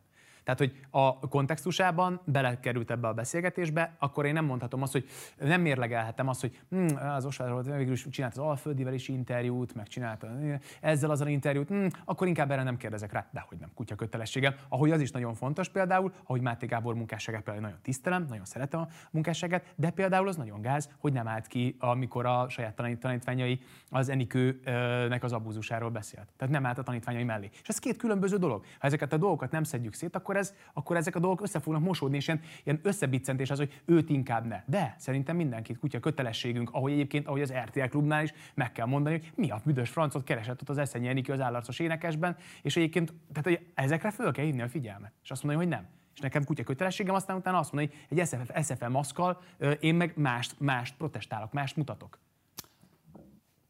Pártpolitika ugye az előbb is mondtad, hogy nem párpolitikai kérdéseként kell a közéleti kérdéseket kezelni, ezek nem bal vagy jobb oldal kérdések, például azt mondtad a klímaválság kapcsán, hogy ez nem egy ilyen értelemben ideológiai törésvonalak mentén felhúzható kérdéskör, és akkor idézzek téged, a Noir célja nem politikai, hanem egy olyan szellemiséget és eszmét tudjunk képviselni, ami Magyarországon a kuriózumnak számít, amiben nincs jobb és baloldal. A Noir pártpolitika felett áll. Ez azt jelenti, hogy foglalkozunk politikával, hiszen a politika az ókori görög eredetű szójelentések közügyekkel való foglalkozás. És, de a párpolitikával ilyen téren szerintem én az én nézőpontom szerint, és én azt szeretném, a Noár mozgalom se foglalkozzon ö, olyan téren, hogy, hogy ne állna fölötte. Tehát, hogy nekünk, például, én például nem szerettek egy színpadon, vagy egy tüntetésen, nem is szerepelünk, sose egy tüntetésen párpolitikussal. Mert ezzel próbáljuk megóvni a a mindenkori függetlenségünket. Uh-huh. Az, egy, az, hogy, az, hogy például kijöjjön bármely akciónkra, szíve joga. Tehát, hogy nyitott az ajtó előttük. De például a stábtagja nem lehet olyan ember, aki, akire mondjuk lehet szavazni. Vagy, vagy bármilyen kép. Pártpolitikus nem lehet? Nem. Politikai nem. pártagja lehet? Lehet, be, nem, nem, tehát a maga, a stábnak a tagja nem. A, az Politikai akci... pártagja sem? A stáb, ez, ez egy mikrostáb. Igen, igen, igen. Az lehet, hogy, az lehet, hogy kijön akcióra. Tehát nem tudom, aktivista vagy önkéntes csoporthoz lehet csatlakozni bárki. Okay. Tehát, hogy ez nagyon érdekel engem, mert ugye tehát az elmúlt 10-11 év történet arról szólt, hogy a magyarországi politikai jobboldal az teljesen ledominálta a színházi életteret is, és konkrétan egyébként mindenfajta egyeztetés nélkül csak is a saját részben kádárait, részben szándékait helyezte el kulcspozíciókban, sőt, nem csak kulcspozíciókban. Tehát igazából itt a fű azoknak nőtt, akik ebből a szempontból ehhez a politikai tömbhöz lojálisak, hozzásorolhatóak, vagy kedvesek neki. És ezzel szemben van egy olyan attitűd, hogy ez rossz, tehát ez, ez, ezt, ezt így nem kéne csinálni, viszont ebben a politikai képviseletet, ami felvállalná azt, hogy itt a jó politikai jobboldalal szemben kell valamit fölépíteni, ettől mindenki elzárkózik, most már évtizedes viszonylatban. De nem. Hatása kevés, és azt lehet látni, hogy igazából csak annyi történik, hogy a még maradék ellenállás is valamilyen módon depolitizálódik ezzel a tömbbel szemben. Mit gondolsz erről a kérdésről? A depolitizálódik, de nem apolitizálódik, és szerintem ez nagyon nagy különbség. Tehát az, hogy szerintem maga a politikában a részvétel, az vagány kell, hogy legyen, az menővé kell váljon, ki kell vennünk a részünket, de szerintem fontos, hogy megértsük azt, hogy ez nem jobb és baloldal kérdése. Tehát ez a fajta attitűdnek a, a, a, a felfogása, ez a fajta rémisztő törzsi gondolkodásnak meg kell szűnnie. Mert hogyha ez nem történik meg, akkor tovább fog szakadni a, a, a, a szakadék a társadalmak között. De szerinted mi, mi, mi, mi, mi lehetne a Noárnak ilyen szempontból, mondd meg te, hogy mi lehetne szerinted a, a jó. Kérdezem, hogy például miért, miért volna az számotokra ö, problémás, hogyha egyébként a klímaváltozás, klímaválsággal szemben fellépés kapcsán lenne egy karakteres zöld párt, és azt mondaná, hogy már pedig mi egyetértünk a Noárral, abszolút azt szeretnénk, hogyha a CO2 kibocsátás csökkenjen, nem tudom, egy levegőszennyezettség számolódjon föl, tényleg karakteres törvényjavaslatokat fogunk ez ígyben beterjeszteni a parlamentbe, támogatjátok, hogy bejussunk. De hát egyrészt nem, mert van ilyen, párt, mert van ilyen párt, Marci. Mert van ilyen párt, aki dumál. Hát értem, de hogyha komolyan venni a szándékot. Ha, mutasd. Érted? Tehát, hogy e, ez ilyen Ez, Én most elvi lehetőségekről beszélek csak. Igen, de én meg pont gyakorlati. Tehát nekem pont az a fontos, hogy amikor valaki hitelt szeretne szerezni szerintem, vagy gyakorlati szempontból szeretne valódi tudást szerezni, az nem más, mint az, hogy megélt alapanyag. Valódi, történet, valódi, valódi történet. Olyan ügyek, amelyek valóban megtörténnek. Nem kampány szinten beszélgetünk arról, hogy klíma és ökológiai védelem, meg gyermekbántalmazás, meg bla, bla, bla különböző dolgok, hanem valóban teszünk. A civil szféra valóban nagyon sok helyzetben tesz ezért. Azok az emberek, akik pedig bizonytalanok, azok pedig nem nem egy kampányszlogán szeretnének, hanem szeretnének valóban tenni ezekért az ügyekért. Aktívan kivenni a részüket, és gyakorlatban. Amikor azok az emberek, akik elmennek egy hajléktalan szállóra, vagy akár te is, ugye, te is azt hiszem, hogy közmunkádat még te is tolod egyelőre, tehát hogy te is ott vagy, nyomod a, a menhelyel együtt a, a, az autóban lévő segítséget a hajléktalanoknak, azt soha nem fogja senki tudni tőled elvenni. Ami most nincs a politikusainknál, az az, ami a gyakorlati... Ezt értem, de bocsánat, pont behoztad. Akkor egyébként tegnap, akkor elmondom, mert tegnap este én egyébként kim voltam az utcán, onnan érkeztem ide, és és volt most például két olyan ügyfelünk, aki 90 után született. Ez azt jelenti, hogy ezek még 30 éves emberek sincsenek, az egyik konkrétan 24 éves, állami gondozásból kerültek ki, és már most az utcán élnek. Erről lehet csinálni videóműsort, meg lehet énekelni, nem lesz fedél a fejük fölött attól lesz fedél, hogyha valaki politikai hatalmat szerez és törvényjavaslatot hoz arra, hogy mindenkinek járjon a lakhatás. Az a helyzet, hogy a politikusok számomra olyanok, mint a kalász. És a kalász az arra hajlik, amerre fúj a szél. Amikor, ha en, erről csinálsz egy videóriportot, ha erre felhívod a figyelmet, ha erről csinálsz egy számot, ha erre lesz egy kritikus tömeg, aki azt mondja, hogy ez nonsens, akkor változni fog. Ha nem, ha a felmérés alapján, amelyeket végeznek a politikusaink jobb és baloldal egyaránt, hogy mi az, ami trendi, mi az, ami nem trendi, merre hajoljunk, merre menjünk, ha ez bekerül abba a képletbe, akkor fognak rajta változtatni. Itt nem emberségről van szó, hanem statisztikáról. És a statisztikát az pedig te alakíthatod ö, civilként, civil aktivistaként. Azokat a politikusokat, ha vannak ilyenek, akik konkrétan egyébként feltetetlenek, nincsen velük olyasfajta korrupciós vád, ami egyébként, tehát azért vannak nem korrupt magyar politikusok, persze, ezt kimondhatjuk, tehát morálisan is vállalhatóak, Igen. és egyébként közpolitikailag ugyanazt gondolják, mint amit te gondolsz a világról. Őket nem támogatni, az nem-e következetlenség a Noir szempontjából? Ha ők belállnak azokba a dolgokba, amely a Noir is beláll, az tök jó, mert több fronton indítjuk el ezeket a dolgokat aki, ahol ezek a dolgok összeérnek, akkor ott azok az emberek össze fognak kapcsolódni. Tehát például csak, csak hatózok egy példát. A Noárt többször megkeresték már, mm, a, hogy lépjünk föl különböző eseményeken politikai eseményeken valaki mellett, tehát pártolva mondjuk valakit. Azt megértem, hogy az nincsen kedved. De hát akkor mi a különbség?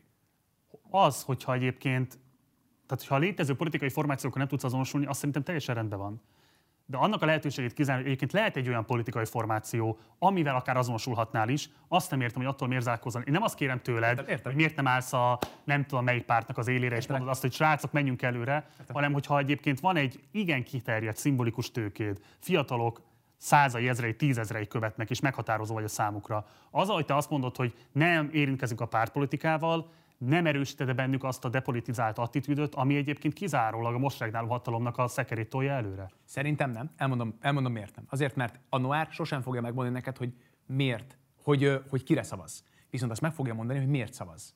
Az fontos attitűd. Tehát azzal kiveszed a politikából a részedet, a következő történik. Én azt mondom neked, hogy nem mondom meg, találkozunk az aktivistáinkkal, az önkénteseinkkel, a követőinkkel. Én nem fogom neked megmondani, hogy hova szavaz. De azt meg fogom neked mondani, hogy kért számon ezt és ezt és ezt és ezt. Mi alapján szeretnéd, hogy működjön az ország? Fontos neked a klímavédelem? Kinek van erre programja?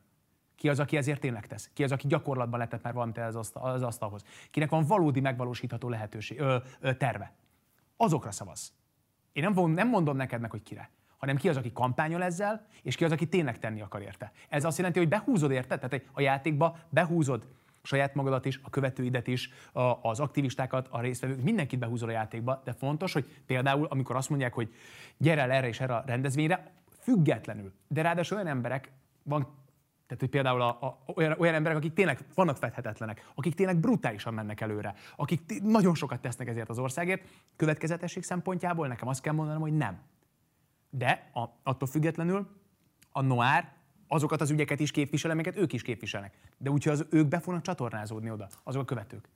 És na, akkor erről beszéljünk egy picit. Tehát ugye Magyarországon az mondja, hogy alapvetően a véleményformáló vagy nyilvánosságban megbecsült pozícióval rendelkező emberek legtöbbször nem szoktak mondjuk például fölvállalni politikai szimpátiát, pont azért, mert nem akarják megfizetni annak a költségét, hogy esetleg az ő személyük bármilyen módon is összefüggésbe kerüljön annak a személynek vagy pártnak egyéb ügyeivel is, hiszen nyilvánvaló, hogy előbb vagy utóbb lesznek majd ügyek, kell majd valamilyen módon esetleg felelősséget vállalni olyan történésekért is, amiket a háta közében nem kíván az ember. De Közben meg a kontextus.hu arról nyilatkozta 2019-ben, idéztet, hogy Texasban egy szélsőséges az emancipáció elleni, soviniszta képviselőt akartak megszavazni, azonban Taylor Swift, aki nem vesz részt a politikában, és rengeteg Instagram követője van, arra buzdította az embereket, hogy melynek kell szavazni, de jól válasszanak. Ugye Taylor Swift konkrétan megmondta, hogy a demokrata párt egyébként szocialista képviselőre kell szavazni, sőt Taylor Swift azt is megmondta, hogy Bernie Sandersre kell szavazni Igen. az előválasztáson. Ha ő a példád, és ő láthatóan bevállal konkrét személyeket, konkrét politikai oldalt a támogatásával, pártpolitikai oldalt, akkor nem a következetlensége, hogy te közben mégis azt mondod, hogy mi pártpolitikától mentesek vagyunk. Nem, azért, mert azt gondolom, hogy a Noir nagyon máshol tart már ilyen szempontból. Tehát, hogy én ezt szerint, ez egy, ami ilyen az egy mozgalom. Taylor Swift pedig egy, egy énekes. Ezért felelőssége például akár Majkának, akár a különböző követők, a Dancsó Péternek, akár Perknek belállni ezekbe a helyzetekbe és elmondani konkrétan, hogy mi a helyzet. Tehát ők nyugodtan megtehetik. Szerintem én már az én felelősségem az ennél sokkal nagyobb. Olyan, azok az emberek felé, akik... Hát körbe... éppen ezért, de ebből is következhetne a felelősségvállalás. De akik körbeveszik a Noir, szerintem azok felé. És szerintem pont az, tehát, és szerintem ezért komplexebb a mi, a mi gondolatunk az, hogy nem mondom meg, hogy kire. Azt csinálják meg azok, akiknek van 200, 300, 400 ezer követőjük. Mi azt mondjuk meg, hogy miért. Áron, egy mozgalom politikai képviselet nélkül az nem egy fából vaskarika? Nem. Miért lenne az? 12 évünk van megállítani a klímaváltozást. 12 évünk, hogy ezt mondják a tudósok. Igen. 12 évünk van, ehhez azt jelenti, már ma is késő lenne beterjeszteni azokat a törvényeket, és nem csak Magyarországon, a viszonylatban, ami radikálisan visszavágja például a CO2 kibocsátást, és itt tovább a foszilis energiáknak a felhasználását. Ehhez nekünk törvények kellenek Magyarországon, Igen. Amerikában, Kína. Hogyan lesz, hogyha közben azt mondod, hogy a politikai képviselet az nekünk nem ügyünk? De ezt a mi gyerekeink, a mi gyerekeink, amikor visszanézek majd erre az időszakra, azt mondani, hogy papa, baromi jól megénekelted, hogy mi a probléma, de, de, de, de miért nem? Miért nem azért küzdöttél, hogy változzanak meg azok a törvények, amik lehetővé teszik a klímakatasztrófát? És erre mondtam, Marci, hogy szerintem, és innentől kezdve jön be a képbe az, hogy ha most a pártpolitikai szempontból te ben vagy a parlamentben, vagy a parlamenten kívül egy aktivizálódó, izgalmas, cselekvő közösséget teremtesz, melyik az, amelyik előbb el fogja érni a változást?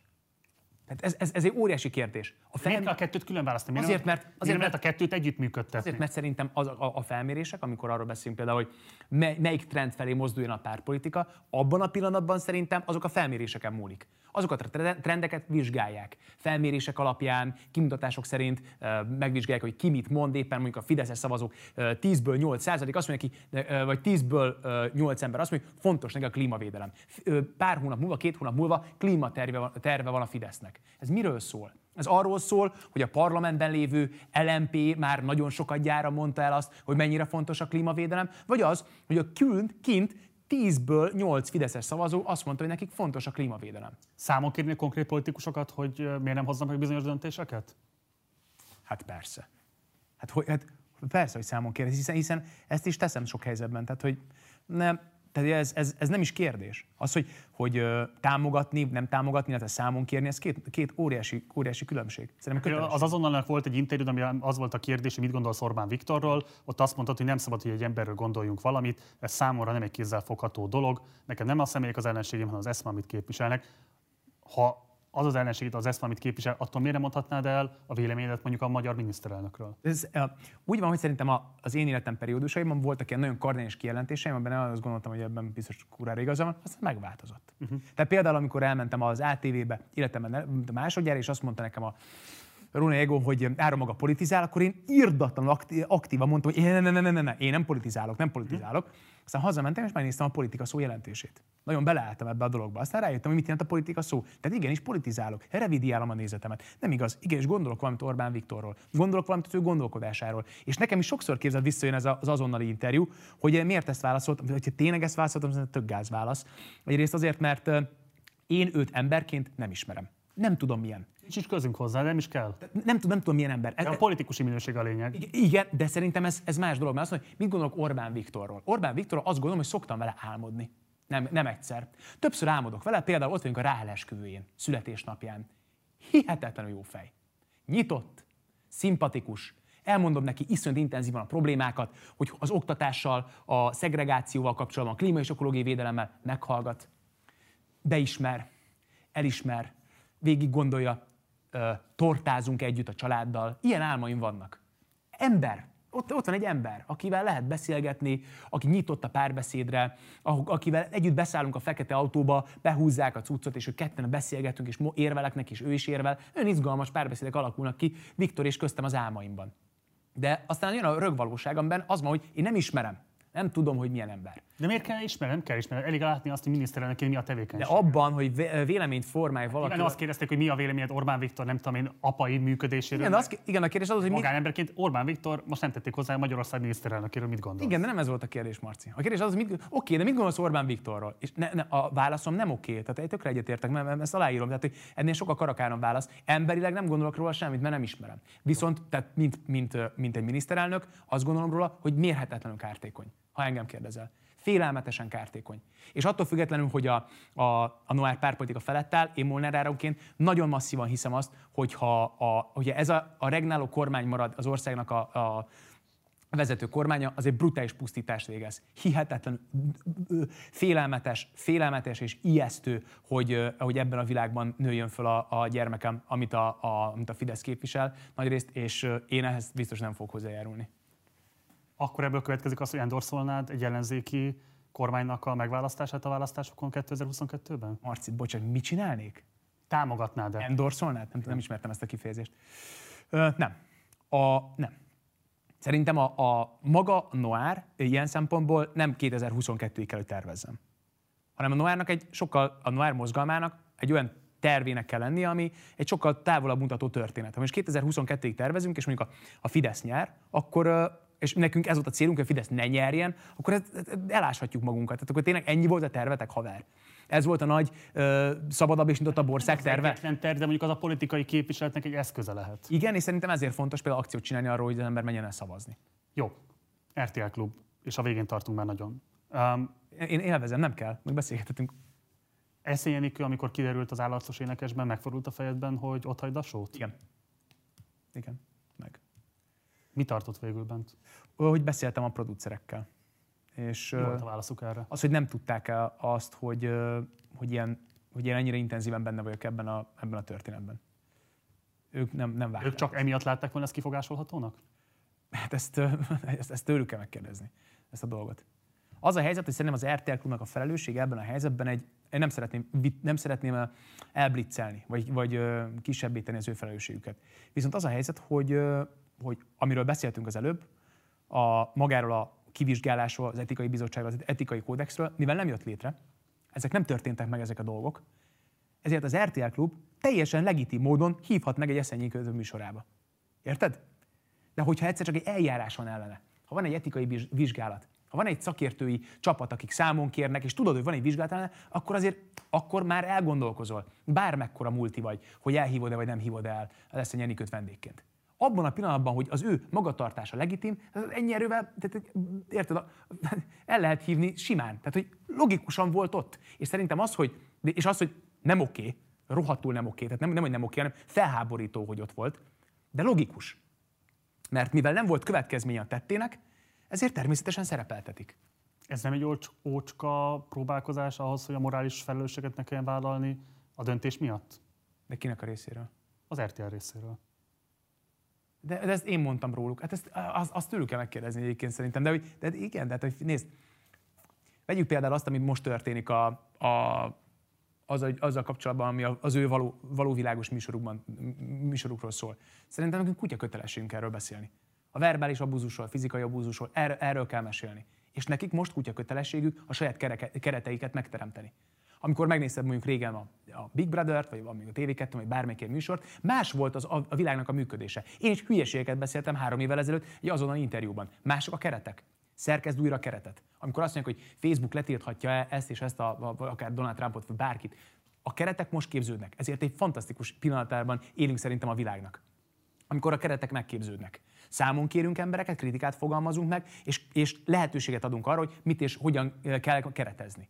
Ez egy újabb lehetőség egy kereskedelmi tévécsatornának, hogy ez elő ne fordulhasson soha többet. Hogy ennyi. Ugye az a baj, hogy az RTL Klub letiltja azokat a videókat, amiket esetlegesen felhasználnánk a műsorban, hogy be tudjunk mutatni helyzeteket, például mondjuk amikor zebraként szerepeltél az állarcos énekes, ugye akkor csak elmondani tudjuk a nézőknek, ugye amikor a leleplezésed megtörtént, az SZF és maszkban volt, ezt nem tudjuk bemutatni. Viszont van egy másik RTL-es produkció, amiben kapcsolatban szeretném megkérdezni a véleményedet, és amiből szintén tudunk videó részletet mutatni, de van két képünk, és szeretném most akkor ezt bekérni. Ugye ez a Mi kis falunk című sorozat volt, amelyben hárman játszottatok közmunkásokat, falusi közmunkásokat. Itt ugye a legfontosabb attribútumai ezeknek a szereplőknek az volt, hogy meglehetősen alacsony intelligenciával rendelkeznek, szegények, koszos a ruházatuk, az arcuk, és eléggé elaggott, és hát az egész viseletük eléggé elaggott. A te megítélésed szerint mennyiben volt sztereotíp ez a fajta szegénységábrázolás, ami valami kis falunk élt? Mérhetetlenül sztereotíp volt ennek, az elő, ennek, a, ennek a változás a következő képre, ami tovább bonyolítja a karakternek az összetettségét. Nem, de hát ugye ez, ez mérhetetlen sztereotíp volt, és ez okozta valószínűleg azt a, azt a humorfaktort, amilyen nézettséget át tudott érni ez a, ez a műsor. Ami, ami érdekes, az az, hogy... Az Ilyen áron megengedhető a nézettség? De ezt kifejtem, megpróbálom kifejteni, és akkor megnézem, hogy, megnézem, hogy, vált, hogy választ adok-e a kérdésedre. A mi kisfalunknak ezek az arhetipusai, akik megjelennek ebben a filmben, ebben a sorozatban, meg örömmel, szeretettel és, és kíváncsisággal és jófej, jófejséggel mesélik falubeliek, hogy nálunk is van egy ilyen figura. Nálunk is, fe, nálunk is van Matyi. Ez nagyon sokszor, ugye ez a karakter, akit látok, ez a Matyi nevű karakter, nagyon sokszor jön vissza. Nálunk is van ez ott felleledzik. Nálunk a közmunkások ugyanezt csinálják, ugyanezt történik, stb. stb. stb. Tehát, hogy igen, tehát, hogy ezek a figurák megjelennek. Azért válik arhetipussá, azért válik egy ilyen általánossá, egy ilyen figura, mert ezek megjelennek a falu különböző részeiben. A polgármester, aki a hátsó kertjében van a tó, a, a falu hülyéje, a falu alkoholistája, a falu bikája, ezek megjelennek, ezek, ezek arhetipusok. Ezekből csinált igazából sorozatot, ugye a vagyis hát nem is ő, hanem ez egy, ez egy megvett anyag. A maga az, hogy ebben mit tud elrejteni az írógárda, az egy izgalmas dolog. Beszél a szavazásról ebben a sorozatban, beszél a, a lopásról ebben a sorozatban, egy csomó-csomó olyan dolog van, amiben tulajdonképpen egy picit segít neked, most mindjárt föl, picit fölmentem, aztán utána mindjárt más is csinálok, picit segít neked kinevetni a hatalmat ez a sorozat. Segít neked egy picit abban, hogy, a, hogy a, egyszer csak ezek a figurák, akik körbevesznek téged, és akiknek brutális mennyiségű összeg van a számlájukon, íratlan mennyiséget lopnak, te félsz tőlük, uzsorások, politikusok, e, miniszterek, egyszer csak megjelennek ebben a műsorban, amit te nézel. És tudsz rajtuk nevetni. És következő alkalom, amikor találkozol ezekkel a figurákkal, akkor hasonlóképpen ki tudod nevetni. Szerintem ilyen szempontból tud ez hasznos lenni. Mm. Színészileg nem. Színészileg ez a negyedik évad az egy kínszenvedés volt. Mert nem változott a figura, nem lett ö, bonyolultabb. Ö, de én azért, tehát hogy én a Matyihoz nem állok úgy hozzá, hogy jaj, ez egy bot egyszerű karakter. Tehát ez nem igaz Attól függetlenül, hogy én nekem kapitány Ivánnal, aki a rendezője ennek a műsornak, nekem nincs jó viszonyom vele, mert ő mérhetetlenül visszaélt szerintem a színészeknek a, a szolgálelkűségével, és ki is használt minket elég brutálisan ebben a sorozatban.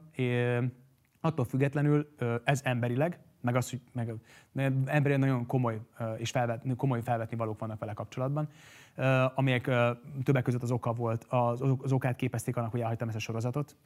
Nélkül részletebe bocsátkozál, hasonló munkakörnyezetet teremtett, mint mondjuk Eszenyi Enikő? Eleinte igen, e, abszolút. Ú, eleinte ordított torka szakadtából, ő is meg csapkodott persze, megengedhetetlenül viselkedett. Az első évadban azt mondta, hogy el kellett mennem már időre, és aztán azt mondta nekem, hogy, hogy nehogy már a 143. színész miatt kelljen nekem egy, egyeztetnem a forgatást, holott időjárás miatt csúszott minden, tehát ez teljes, tőlem teljesen független volt. Egy csapkodott, ordibált, kiabált, ő is nagyon rossz attitűddel van sok helyzetben. Sok helyzetben nagyon jó attitűdben, de ez egy másik ügy, de, tehát nem, nem is ez a fajta viselkedése volt az, ami kiborított, hanem az, hogy milyen tiszteletlenül ö, viselkedett velünk olyan, tehát hogy nem, nem, nem, nem tisztelt egyáltalán azt a fajta munkát, amit belerakunk ebbe, se a szerződéseinkben, se semmiben. Visz, visszatérve erre, mond. hogy nem csak annyi, hogy ez, ezt a karaktert ezt ugye együtt hoztuk létre, és ugye az Iván azért megpróbálta ebbe a műsorba belerakni azt, hogy, hogy ebben legyen kritika is. Tehát, hogy ebben... szemben? A, tehát a, ezekkel a hatalmakkal szemben, ezekkel az arhetipusokkal szemben, akiktől félünk de ő szórakoztatni akarta ezzel a műsorral. Tehát, hogy ez, ez nem kérdés. A Matyival kapcsolatban csak annyit akartam neked elmondani, én nem állhatok ehhez a karakterhez hozzá, hogy ez egy egyszerű karakter. Tehát nekem muszáj színészként azért ebbe beleraknom valamit. Tehát muszáj megcsinálnom azt, hogy ebben valami, valami tehát egy csomó dologban tök igaza van, ha megnézed, jó. Uh, Miért kell koszosnak lennie? Az egyetlen szereplő hármas az egész sorozatban, akik folyamatosan koszosak. Ők hárman koszosak. Igen. Igen. Mert elvileg, mert elvileg dolgoznak de közben nem dolgoznak.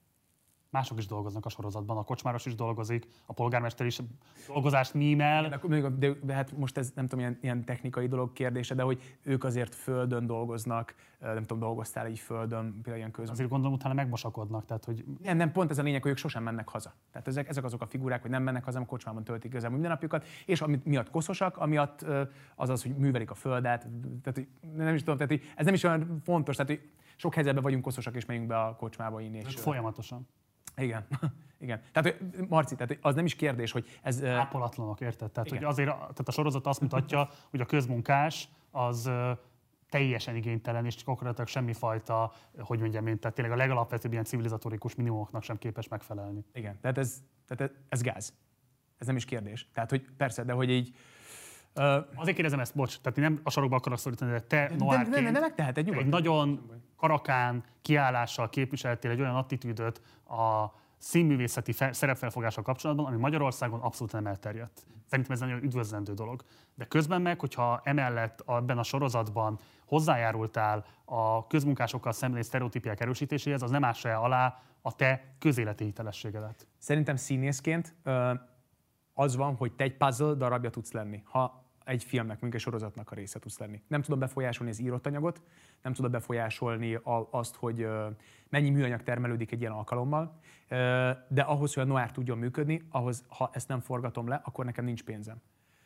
Ezen kívül van egyrészt az is benne, hogy ez a sorozat a maga mm, léptékeihez képest kritikát is fogalmaz meg, a maga léptékeihez képest nem, nem egy olyan vállalhatatlan, dolog volt, amiben azt, azt éreztem, hogy na nem, nem, ez, ez, ez gáz, hiszen a forgatókönyveket mindig megkaptuk. Az más kérdés, hogy mindig olyan opciós szerződést akartak velünk aláíratni, ami teljes mértékben le, lekötelez, és kötelességünk volt visszamenni.